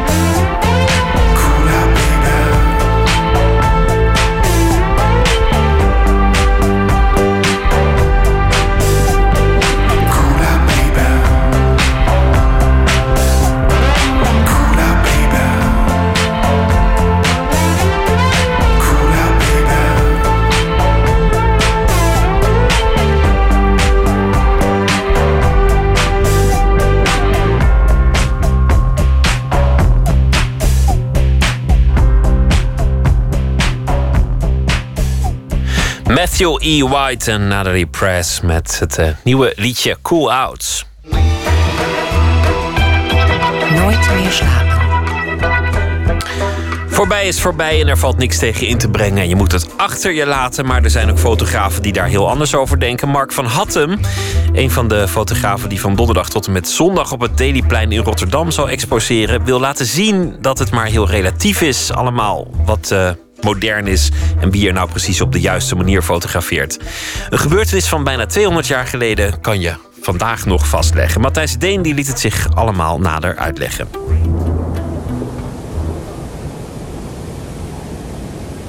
Mensen denken over het verleden als iets dat voorbij is. En, en niet meer voor hun te zaken doet. En wat ik eigenlijk wil laten zien is dat het er nog steeds is. En dat mensen toen misschien anders om zich heen keken, maar dat jij ook zo om je heen kan kijken. En dat je dat ook op een andere manier laat kijken. Mark van Hattem is een historicus. Hij weet vooral veel van Europa eind 18e, begin 19e eeuw. Van Habsburgers, tsaren, Napoleon. Hij heeft een proefschrift geschreven. Hij heeft onderzoek gedaan. Hij heeft geleerd het verleden niet anders dan op controleerbare wijze en dus omzichtig via betrouwbare bronnen te benaderen. En nu exposeert hij enigszins vage tot de verbeelding sprekende afbeeldingen. Plaatjes waaruit, naar eigen zeggen, eigenlijk de tijd is verdwenen. Licht beslagen ruitjes op het verleden. Letterlijk. Dus de vraag van is wat, waar ik naar kijk, is het een foto, is voor de meeste mensen vaak ook van ja, is het dan waar? Of is het verzonnen? En ik weet niet wat je van die uh, linkzonde vindt. Is dat een foto of? Nee, toch? Of wel? Nou, dat is nou precies een goede vraag. Oh. Want wat, wat ik dus eigenlijk wil, is dat je niet meer weet waar je naar kijkt. En dat je eigenlijk denkt van, nou, ik kijk naar een, een prent, een tekening, een schilderij, uh, wat voor woorden ook in mensen opkomen. Terwijl het feitelijk wel degelijk een foto is. En oh, dus ook uh, niks anders dan het vangen van werkelijk licht.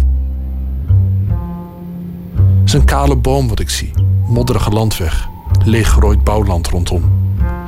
Voor mij is het duidelijk waar het is. Het is de eenzame vlier bovenop de Usler S tussen Boeklo en Enschede. Waarvan het gerucht ging dat Napoleon zelf er nog onder had uitgerust. Op een warme dag. Het is een kleine afbeelding op aquarelpapier. 15 bij 10 ongeveer. In grijs tinten met een lichte zweem van felgeel. Je beschrijft wat je ziet. En eigenlijk is wat je ziet is ook waar.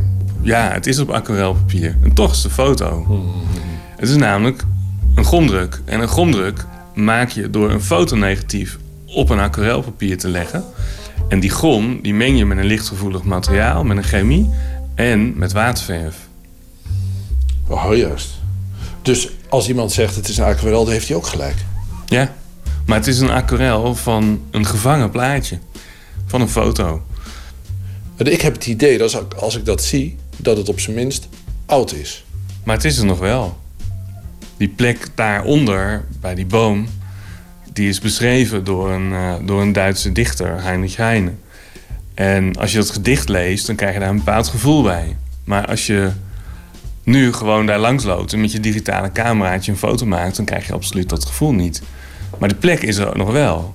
Dus het, is ook een, een kwestie van hoe kijk je naar die plek? Hoe leg je daar je gevoel in? Hoe krijg je dat op beeld? En de grap is dat Heinrich Heine is uh, overleden, even uit mijn hoofd, 1856. En toen kon ze met die techniek, met de cyanotypie, kon ze eigenlijk al foto's maken. Dat, gedicht van Heine, heb je dat zo paraat? Ja, dat heb ik wel paraat, want ik, ik heb daar een hele serie mee gemaakt. Dat is um, Duitsland een Wintermärchen. Uh, Duitsland een wintersprookje. En hij is een banneling die in Parijs leeft, keert terug naar Duitsland. En hij heeft haat en liefde tegelijk. Hij, hij houdt van zijn vaderland, maar hij ziet ook allerlei dingen militaristisch, Pruisisch, um, waar hij helemaal niks mee kan. Waar, waar hij heel, heel bang van wordt eigenlijk, wat hij heel dreigend vindt. En uh, dat, dat zit in dat gedicht. En ik ben de grenzen overgegaan waar hij dat ook gedaan heeft. En waar was dat? In de buurt van Aken. Im traurigen Monat November war's. Die Tage wurden trübe. Der Wind riss von den Bäumen das Laub. Da reist ich nach Deutschland En hij rijdt dan eh, met zijn eh calèche, met, met de koets waarin hij een plekje heeft gekocht, rijdt hij door het land. En op datzelfde traject heb ik deze boom gefotografeerd. En eh, ik heb niet gekeken hoe oud die boom is, zou het van buitenaf niet kunnen. Maar goed, hij moet door deze landweggetjes gereden hebben, deze eenzame bomen gezien hebben. Dus, en ook wel op die plek. Ik vind het ook wel belangrijk om het dan daar te zien en niet ehm, ja, ergens een willekeurige boom op. Nee, maar dat vind, ik, dat vind ik dus heel grappig. Want je, je zegt, ik wil eigenlijk heel precies zijn. Precies op de plek zijn om een afbeelding te maken... waarop de details eigenlijk niet meer goed duidelijk zijn. Dit had net zo goed in Groningen kunnen zijn. Ja, maar ik wil aantonen dat het daar is. Hoezo aantonen? Ja, omdat ehm, feitelijk waar hij over schrijft en nog is. Het is in kringen van historici trouwens niet helemaal ongehoord... dat het verleden zich letterlijk kan aandienen in het heden. Maar het is alleen aan enkelingen gegeven. Een soort geschenk voor de grondig geïnformeerde maar ontvankelijke ziel. Zoals Nederlands bekendste historicus Huizinga. Die het had over de historische ervaring. Een kort moment van verbintenis met het verleden. Een scheur in de tijd. Een flits die nadondert. En weg.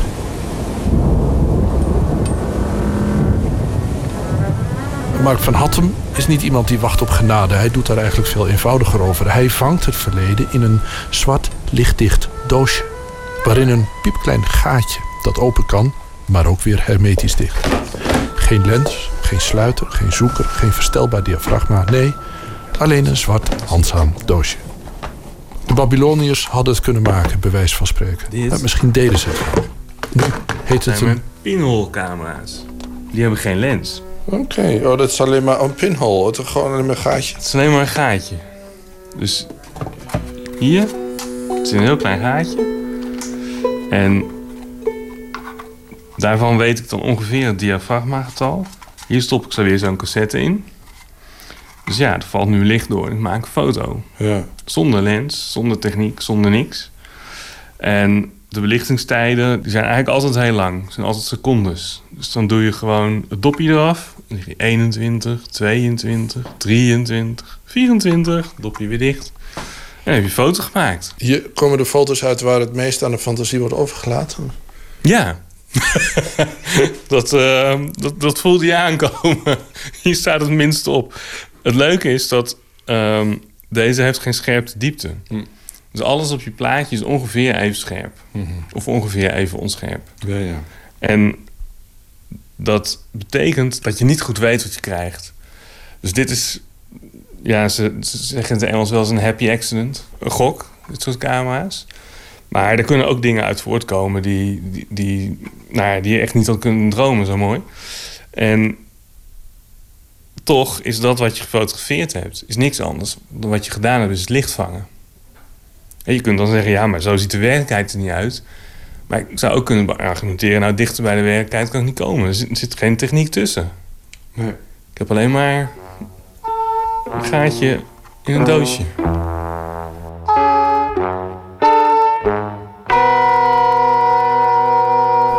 Dit is gewoon met een pinhole gemaakt. Ja. Ongelooflijk. Ja, dat is wel prachtig. Ja, dit is een pinhole opname. En bij deze zie je ook heel erg al, die vlekken, zeg maar. Waardoor, ehm, waardoor er gesuggereerd wordt dat er van alles is of van alles gebeurt. Wat in werkelijkheid eigenlijk helemaal niet gebeurt. Het komt door de, door de inval van het licht, die onregelmatig is in dat gaatje. En dat accentueert nog meer. En als je dat bij elkaar optelt, krijg je eigenlijk een plaatje waar heel veel in gebeurt, zonder dat je nou goed weet waar je naar kijkt. Vertel even wat dit is.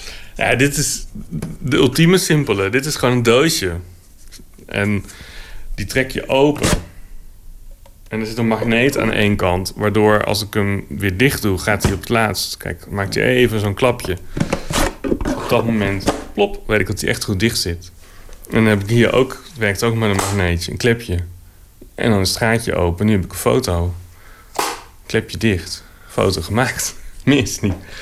En de uitdaging met deze is om nu je film eruit te krijgen, zeker als het regent. Want die moet je dus in het donker eruit halen. En eh, daar neem ik dan eh, een lichtdichte zak voor mee. dan zit je ergens onder een boom of ergens uh, raar in de wind eindeloos te prutsen. Maar dit, dit is de meest simpele manier om gewoon bijna als een 16e-eeuwse schilder niks anders te doen dan licht te vangen op je film. Je doet niks anders. Jij zei, dit is de manier waarop hij het gezien zou kunnen hebben aan het einde van zijn leven. Is het nou zo dat je het verleden vangt of vang je iets tijdloos? Ik hoop iets tijdloos. Ik, ik hoop juist de relevantie van het verleden voor het heden aan te tonen en andersom.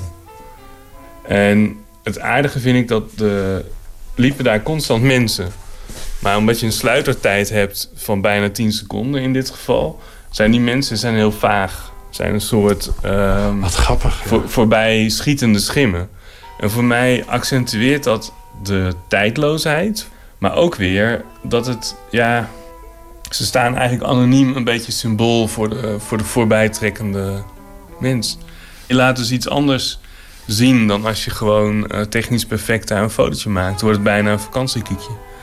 Um, en, en, nu gaat het voor mij heel erg over de, de tijd, de mens, um, de, combinatie van die dingen.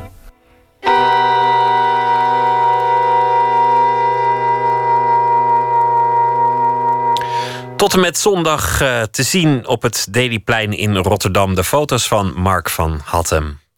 Hij klinkt als een Afro-Amerikaanse soulzanger uit de jaren 60, maar het is uh, gewoon een Brit van uh, het heden, James Hunter. En hij heeft een album van net verschenen op het Deptone label. En de titel van het album is Hold On en een van de nummers heet Something's Calling.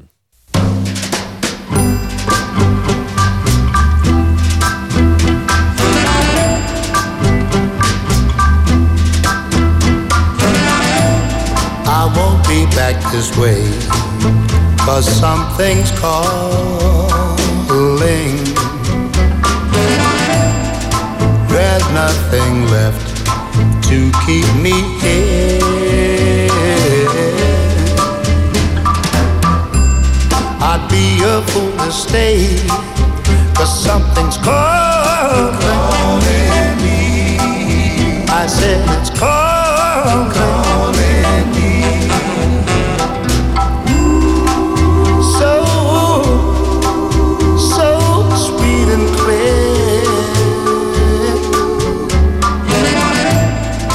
Got to say goodbye. Cause something's calling.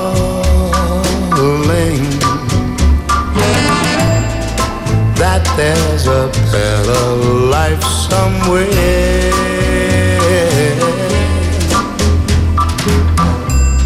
No peace as long as I can hear it calling me. I'll hear it calling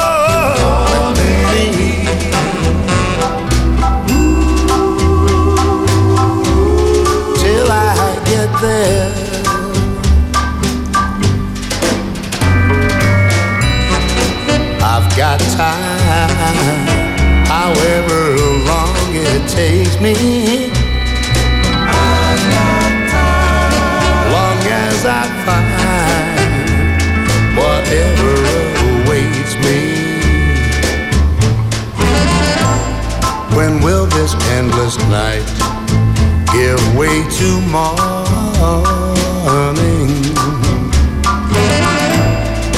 If I don't leave, I'll never know.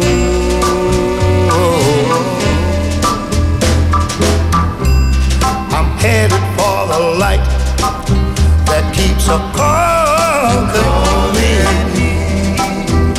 I hear it calling me. So goodbye, baby. I've got to go. I've got to go.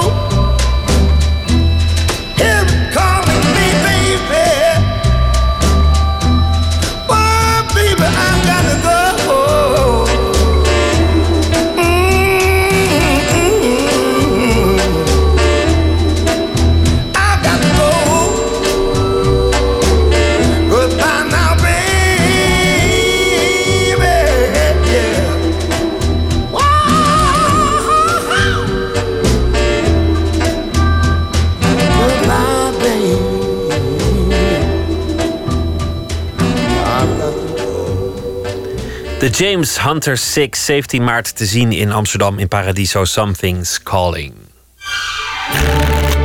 Open kaart. Welkom A.L. Snijders. Van, eh, vanaf 13 februari op tournee met de voorstelling De A.L. Snijders Show. En dat is een eh, voorstelling eh, over literatuur, maar ook worden bewonderde kunstenaars, muzikanten en andere auteurs gepresenteerd. Een landelijke tournee. Vorig jaar al 22 optredens gedaan. En eh, nou, dat is voor een schrijver. Ja, dat zijn twee verschillende dingen. De- Dat, dat, dat ik voor... Dit is de nieuwe show, maar oh, de nieuwe show. Die andere was voor de CPMB, hè? Ja, maar In november. Maar voor iemand die, 20 keer. die meestal op zijn erf verkeert en dan elke Ja. dag een, een zeer kort verhaal afscheidt, is, is natuurlijk toch een, een heel ander métier om ineens te reizen langs theaters en op podia te staan. Ja, ja. Voor zalen. Ja. Hoe bevalt Maar dat? ik was er aan verslaafd geraakt eh, aan het eh, einde van eh, november. Toen heb ik er twintig bibliotheken bezocht. Ze waren allemaal anders. En ik dacht, nou, de volgende twintig jaar zou dat mijn leven wel kunnen zijn. S'avonds om vijf uur van huis weg. En dan om acht uur ergens aankomen tot tien uur, half elf. Dan weer terugrijden, dan een uur of twaalf, tussen twaalf en één thuis. Dan nog een beetje naar de tv kijken, herhaalprogramma's. Om drie uur naar bed. De volgende dag om een uur of acht, negen opstaan. En dan een beetje over het erf scharrelen. En om vijf uur weg.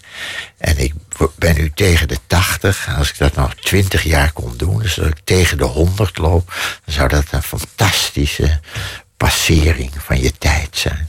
Maar hoe moet het dan met het, met het schrijven van de zeer korte verhalen? Ja, precies. ZKV's. ja, Wanneer, wanneer moet dat dan weer Dan gebeuren? moet je dat s'morgens doen nog. eh, en Oh ja. Als je om een uur of tien ben je bij de kippen geweest... en heb je de katten eten gegeven. Dan ga je aan tafel zitten en dan moet je er een schrijven. Wat, wat gaat er nu allemaal gebeuren? Maar het is allemaal niet gebeurd, begrijp je? Want na, eh, Na november heeft was het afgelopen. Niemand, ja, heeft niemand meer gezegd. Tot nu, want, want nu is er de A.L. ja. Snijders Show. En wat, wat, wat is dat? Wat gaat er gebeuren? Er zijn er maar twee geboekt. En die, en die, hè, en die jongen... Mm. Oh ja, die- dat, dat is dan een, een landelijke tournee. ja. ik, weet, je weet niet hoe je in elkaar zit. Ik zal het je even vertellen. Dit boek, daar gaat het om. Dit boek he- is gemaakt door Karel Helder, die Ja. door mij zeer bewonderd wordt. En dat is een boek, dat is uitgegeven door dezelfde uitgeverij die, die ik voor die zes korte verhalen heb. En dat is een boek met reportages, korte verhalen, gedichten, interviews, EVM. Ik heb dat vertaald, ik ken hem niet, maar en veel meer. Begrijp je? Hier Ja, staat ja, ja. ja. Ja. Ken jij die als een officiële afkorting? Nee, maar alles kan natuurlijk een officiële kan. afkorting nee, worden. officieel wordt die dan niet. Dan is dit een privé-afkorting van Karel. Maar als iedereen die lang genoeg bezig Ja, is, dan, dan wordt die voorspel ik dat er een dag komt. Ja. Ja. En dat is een heel goed boek, eh, vind ik. En eh, heel afwisselend. En ik ben een, eh, liefhebber van Karel Helder. En, en toen heeft de uitgever gevraagd... eh, eh, of, wij om dat boek iets zouden kunnen doen. En of ik dan de zaak aan elkaar wilde praten. En dat zou dan met wisselende mensen gaan en zo. En dat start dus eh, zaterdag. En de plannen zijn inderdaad dat we dan door het hele land gaan.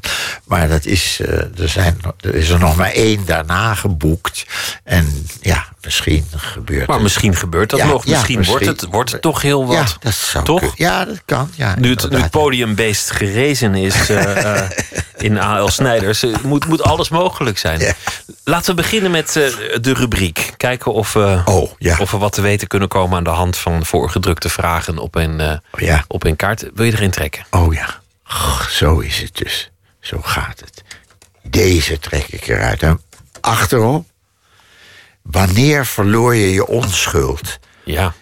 Wat betekent dat? Je onschuld verliezen. Ja, dat je eh, met een meisje eh, voor het eerst... Of de, eh, Nee, want dat- volgens mij Oh. kun je met een meisje voor het eerst en dan daarna nog steeds heel onschuldig zijn, toch? Oh, dit is dus niet. Oh ja, wanneer verloor je je onschuld? Maar er is toch een moment, denk ik, in je leven dat je je onschuld kwijt bent. Ja. Dat je niet meer bleu bent. Dat je wel weet hoe het werkt. Oh, dat wordt ermee bedoeld. Ja. Ja, wanneer verloor je je onschuld? Maar er zijn toch ook mensen, inderdaad, wat jij zegt, die blijven heel lang onschuldig en die eh, verliezen eh, eh, misschien pas na hun zeventigste een keer hun onschuld. Dan, dan vallen de schellen van hun ogen, toch? Heb je zelf zo'n moment gehad? Van, van Nee. de- Oh, schellen ja. van de ogen? Moet ik even, ja. Ik ben. Ik ben een, eh, gisteren of eergisteren geïnterviewd door een, eh, eh, een literaire reporter van het Belgische blad De Morgen. En die vertelde dat hij ook Ouellebecq had geïnterviewd. en die was tijdens het interview in slaap gevallen. Dat is geen goed teken voor het interview, denk ik. Ja, maar wel, goed. want daarvoor was het was in de Elzas Loteringen. Daarvoor was, het- eh, was het een samenzijn van de buitenlandse pers geweest. En hij kreeg, en daar had iemand hem eh, jenever, eh, een fles jenever gegeven, misschien een Hollander. En daar had hij zoveel uitgedronken dat hij toen hij met individuen ging, waaronder deze jongen die het aan mij vertelde, toen viel hij in slaap. Maar hij werd wel wakker en verontschuldigde zich en ging. Maar dit is de inleiding, maar waar het om gaat, is dat hij vertelde dat Ouellebecq heel lang over vragen nadacht, los van die drank. Dus gewoon wel minutenlang doodstil. En dan kwam er een echt gebeeldhouwd antwoord op. En daar moet ik nu aan denken: van wanneer je verloor, Verloor je je onschuld. onschuld. Dat is eigenlijk een Eh, vraag waar, waar je dagen over zou kunnen denken. Precies, en eh, als je echt de waarheid wil spreken, dan moet je dus je geschiedenis daar gaan. En, ja, En nadenken, ja, wat is ik weet onschuld? het. Ja, Oh. ik, ik weet het nu ineens. Ja, verdomd. Ik heb een, echt een hele goeie. Namelijk, ik verloor mijn onschuld toen eh, eh, een vriend van mijn vader, die, eh, een jurist die bij een handelsmaatschappij werkte, die had, die had een, een, een, een klein buitenboordmotortje aan mijn vader en mij verkocht. Voor, of ja, verkocht, maar voor de inkoopprijs kregen we dat. Een klein Engels dingetje. Want we hadden een heel klein bootje waar je aan kon hingen. En een heel klein fletje van anderhalve meter.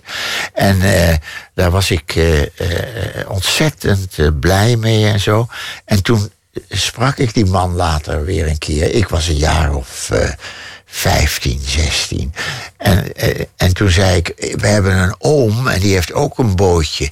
Toen zei hij, nou, als je aan hem ook zo'n motortje kan verkopen... dan krijg jij een, eh, een bonus of zo van me. Ik weet niet of je dat woord eh, gebruikte. En... toen eh, eh, ging ik naar die oom toe en die had dit verhaal gehoord. Maar dat was een, eh, echt een keiharde zakenman die ook heel erg rijk was. Eh, top van geërfd en zo, in een be- havenbedrijf. En die had toen buiten mij om tegen inkoopprijs dat motortje gekocht. En dat vond ik en mijn ouders ook zo'n enorme streek om mij.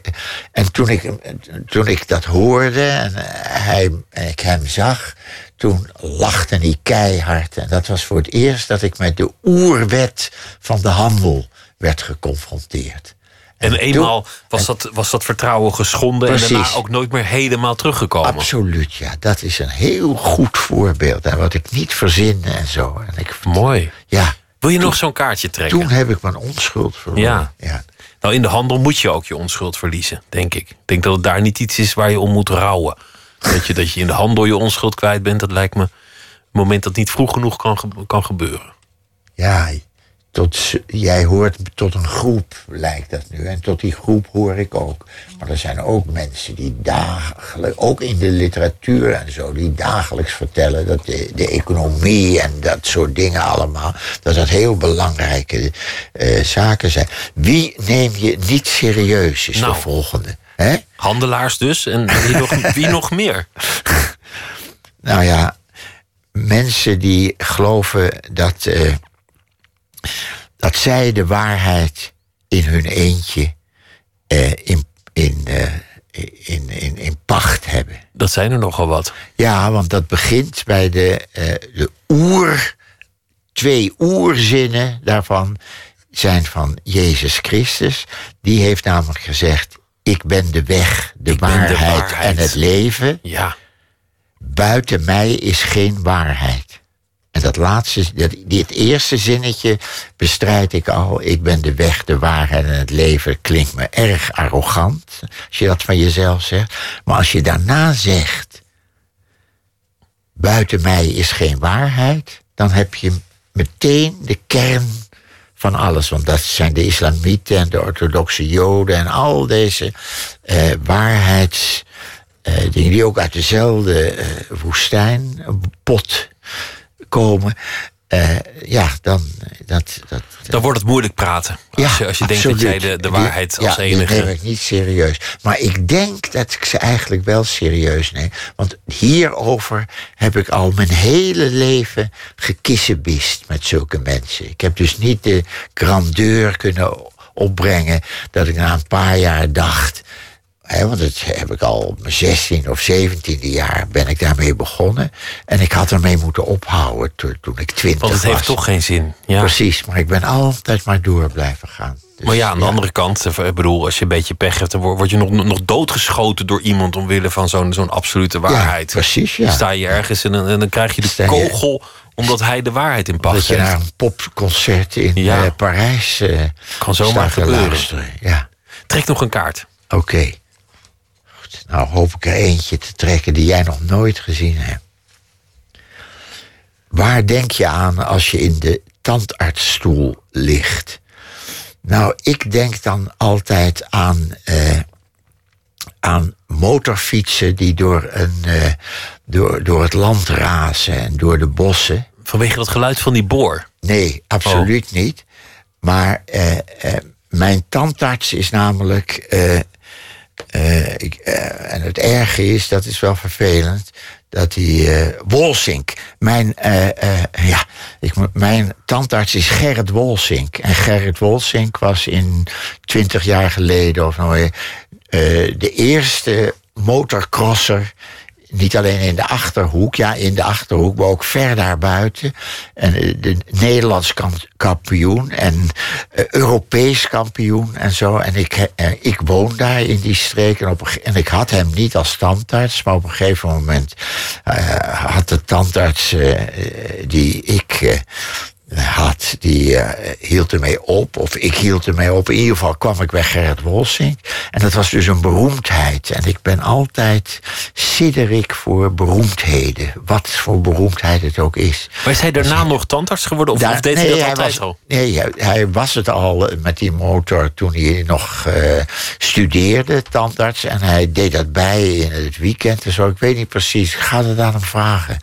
Maar hij is dus heel lang de eh, motorcrosser van Nederland geweest.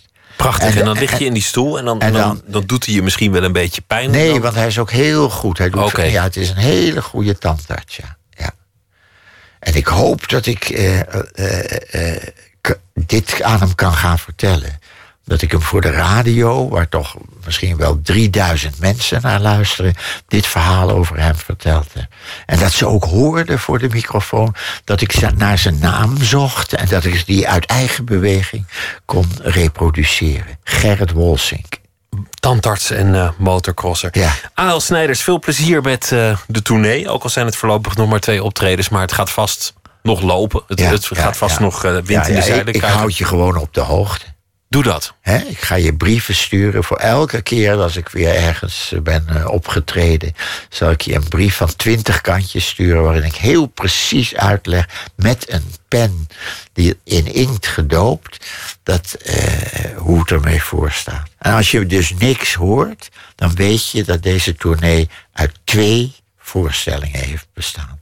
Ik zie er naar uit. A.L. Snijders, dank je wel. Goeienacht. Matthew Stephen Ward, beter bekend als M. Ward, heeft binnenkort een nieuw album. Hij komt uit eh, Portland in eh, Amerika. More Rain is de titel van de plaats en het stuk dat we draaien heet Temptation. Temptation, step up to the. Temptation, know just what you like. Temptation's eyes exploding, flash like falling stars. Temptation's talking to my heart. Temptation won't give you taste. Temptation won't see you can make. Temptation won't take no for anyone's response. Temptation infiltrates your song. The last time I tried to leave this club, I said I can't dance no more. Temptation dragged me right across the floor.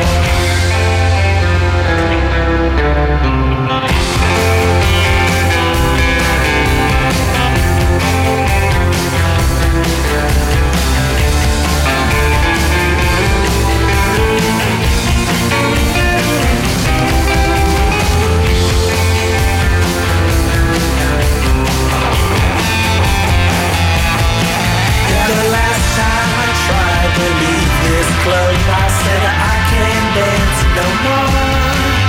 Temptation dragged me right across the floor. Temptation, step up to the mic. Temptation, know just what you like. Temptation's eyes explode and flash like falling stars. Temptation's talking to my heart. Temptation's talking to my heart. Temptations are talking to my heart. Temptations are talking to my heart. Temptations are talking to my heart.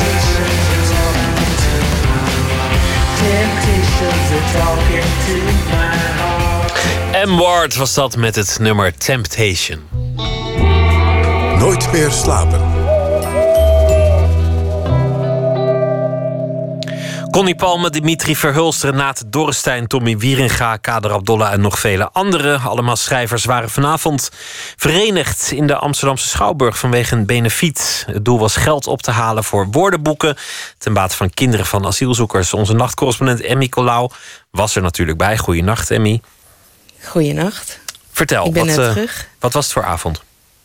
Ja, het kan natuurlijk een beetje ongemakkelijk zijn. Zo'n benefietavond. eh, dan ja, kan neigen naar rode lopers en bekende Nederlanders en cocktails en eh, lekkere hapjes. Maar dat viel eigenlijk allemaal heel erg mee of tegen, net hoe je het bekijkt.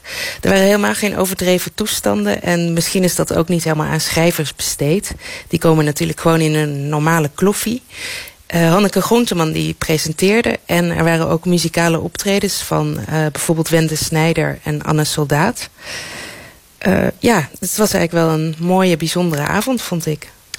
De gedachte kwam van eh, Dimitri Verhulst. Wat was zijn doel en waarom wilde hij dat? Ja, een Belgische schrijver die in Nederland een benefiet organiseert. Eh, hij zei tegen de immuniteit en tegen de onverschilligheid. Maar ik sprak hem vlak voor het begin van die avond even... en toen kreeg de, de Nederlander in nou ja, zijn zachte Vlaams... toch wel een behoorlijke draai om de oren. Hij vertelt wat hem opvalt als hij hier is. Wat mij dan opviel was zo die discrepantie in de Nederlandse maatschappij. En al helemaal als ik in Amsterdam ben, namelijk dat je drie uur moet aanschuiven voor het Anne Frank Museum. Waar de Nederlandse samenleving wel trots op is. Van namelijk, wij hebben iemand in de keukenkast verstopt om te behoeden voor het kwaad of tegen het kwaad. En dat je terzelfde tijd, op hetzelfde ogenblik van die drie uur aanschuiven voor dat prachtige en nuttige museum, dat je die haat in die maatschappij voelt, dat je die rotzooi op Twitter voelt als het over vreemdelingen gaat. En ik kon die twee niet met elkaar verzoenen.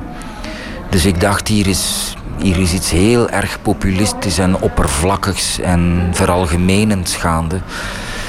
En ik hou daar niet van. Ik hou niet van onverschilligheid. Ik kan het echt niet hebben. Dus voilà, daarom staan we hier. Ja, hij had, er, uh, had het er ook over dat we niet immuun moeten worden... voor die beelden van uh, vluchtelingen en ellende in de wereld. Het is toch eigenlijk gek, ook ik weet niet... Hè, wanneer ik uh, op televisie lijken zie aanspoelen. En eigenlijk vind ik dat heel chockerend dat ik niet jankend voor mijn zetel zit. En hoe langer dat dat duurt, hoe, hoe meer dat beeld gaat gewennen alsof de beelden zichzelf beginnen te kopiëren. En je moet altijd weer die reflex maken van dat gaat die verdomme om mensen. Dat is geen beeld. Ja, en wat hij dus gedaan heeft, is een brief geschreven aan zo'n beetje heel schrijvend Nederland. En dat was blijkbaar een hele goede, goede brief, want uh, Toet, de literatuurwereld, die was er eigenlijk wel vanavond. De gedachte was geld in te zamelen voor een goed doel, namelijk uh, woordenboeken. Wat is het doel precies? Ja, hij zocht, uh, Verhulst die zocht eigenlijk iets heel concreets om te doen. En hij liep tegen de stichting My Book Buddy aan. En die is opgericht door Katie Spierenburg. Een van de mensen die vroeger aan de wieg stond van ZAP, dus van uh, kindertelevisie. En haar stichting die bevordert lezen bij kansarme kinderen wereldwijd. Ik uh, heb heel veel projecten in het buitenland waar kinderen speciale bibliotheken krijgen. Dat is een heel uh, concept. En daar lezen intussen 150.000 kinderen in. Heb je zoveel ervaring op gedaan. En dan zie je hier in Nederland ineens het verschijnsel vluchtelingenkinderen die eigenlijk onder dezelfde omstandigheden uh, zitten als de kinderen in het buitenland, de kansarme kinderen in het buitenland. En toen dacht ik, nou, hier moeten we wat mee. Ja, ze ontwikkelde dus een woordenboek met plaatjes en een soort oefenschrift waarmee kinderen in Nederlandse AZC's eigenlijk hun woorden al kunnen leren. Een avond uh, vol literatuur. Wat droegen de schrijvers voor vanavond? Ja, ze droegen eigenlijk gewoon voor uit bestaand werk. Meestal uit hun eigen werk. Of in het geval van Renate Dorrestein uit Jip en Janneke. Mensen van mijn generatie en iedereen die nog jonger is dan ik... we zijn allemaal groot geworden met Jip en Janneke. En we zijn er Nederlandse kinderen door geworden. En ik dacht, nou, als je vluchtelingenkinderen nou iets wilt geven... om ze te helpen te integreren in een nieuwe wereld die ze nog niet kennen dan uh, moet je ze Jip en Janneke geven om te lezen. Het is de allerbeste start van hun leescarrière. Ja, ze las dus iets voor uit Jip en Janneke door Nederland. En dat gaat dan over Jip die van zijn fiets valt. Um, eigenlijk wat we gewoon kennen van Jip en Janneke. Maar het wordt dan toch indrukwekkend omdat Dorrestein, voordat ze begon te lezen, zei... dit is om ons te herinneren aan onze eigen veilige jeugd. En dan is het contrast met die asielzoekerskinderen natuurlijk uh, opeens heel erg groot. En dat gebeurde eigenlijk vaker deze avond. Dan, dan zie je toch die kracht van literatuur, zeg ik. Zonder daarmee iets pathetisch te bedoelen.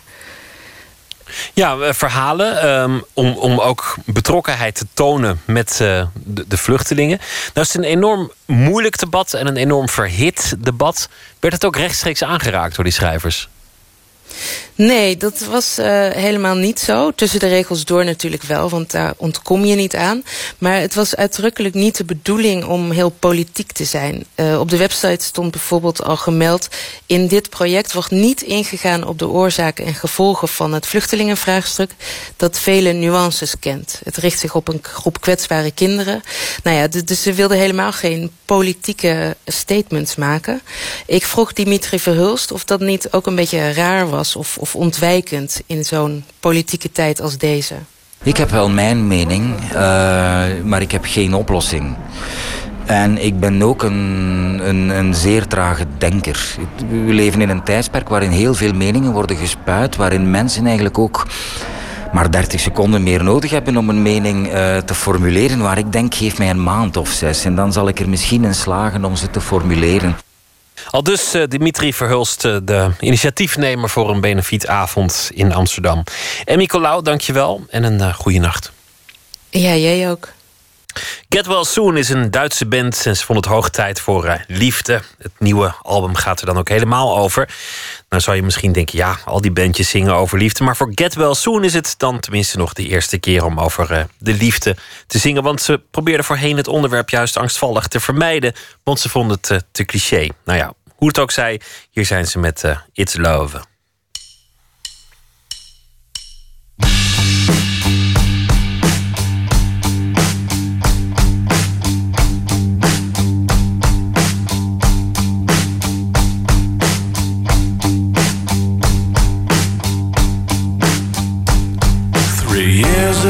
Sunshine, no winters I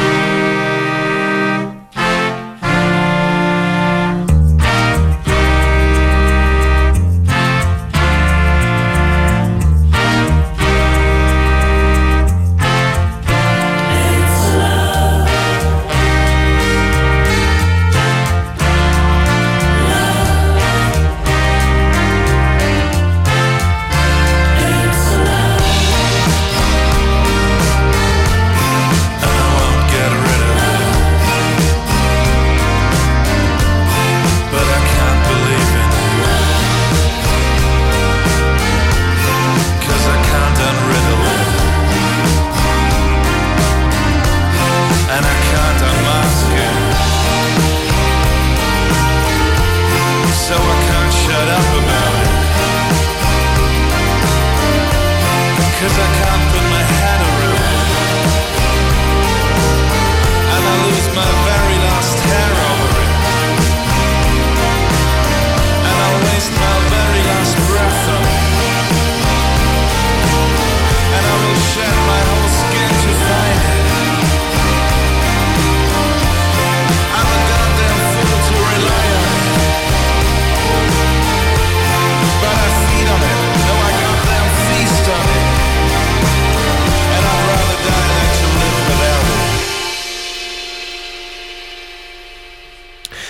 Duitse band Get Well Soon met het stuk It's Love. Yannick Dangre is uh, dichter, debuteerde reeds jong op 22-jarige leeftijd als uh, romancier met uh, het boek Vulkaanvrucht.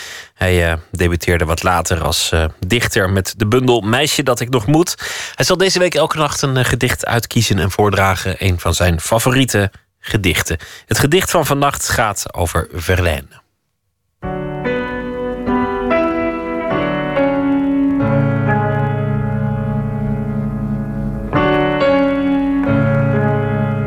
Normaal houd ik niet zo van gedichten over de natuur, want dat wordt al snel melig of sentimenteel of zo. Maar Federico Garcia Lorca is voor mij een uitzondering. Deze Spaanse dichter uit de jaren 30, die overigens sneuvelde in de burgeroorlog toen, die kan echt prachtig en heel melodieus over de natuur zingen zonder dat het daarbij flauw of voorspelbaar wordt. En zijn gedicht heet Verlijn naar de dichter uit de 19e eeuw. Verlijn. Het lied dat ik nooit zal zeggen, sliep op mijn lippen in. Het lied dat ik nooit zal zeggen. Op de kamperfoelies zat een glimworm en de maan prikte met een straal in het water. Toen droomde ik het lied dat ik nooit zal zeggen. Een lied vol lippen en beddingen ver. Een lied vol uren in de schaduw verloren. Een lied over een helle ster op een dag als altijd. Verlaine, een gedicht van Federico Garcia Lorca, uitgekozen en voorgelezen door Yannick Dangre, die morgen ook weer een gedicht zal voordragen en uh, zelf uitkiezen. De Vlaamse schrijver, theatermaker, columnist en uh, veel meer dingen. Joost van de Kastelen komt morgen op bezoek. Hij werkt aan een tv-serie uh, gebaseerd op zijn debuut en stand-up comedy show. En hij heeft een nieuwe roman Jungle. En verder gaan we het hebben over de nieuwe HBO-tv-serie Vinyl met muzikanten Douwe Bob en Matthijs van Duivenbode. Een serie over de wereld van de rock'n'roll. Wens ik u een hele goede nacht. En zometeen op NPO Radio 1 kunt u luisteren naar de collega's van BNL. Goeienacht.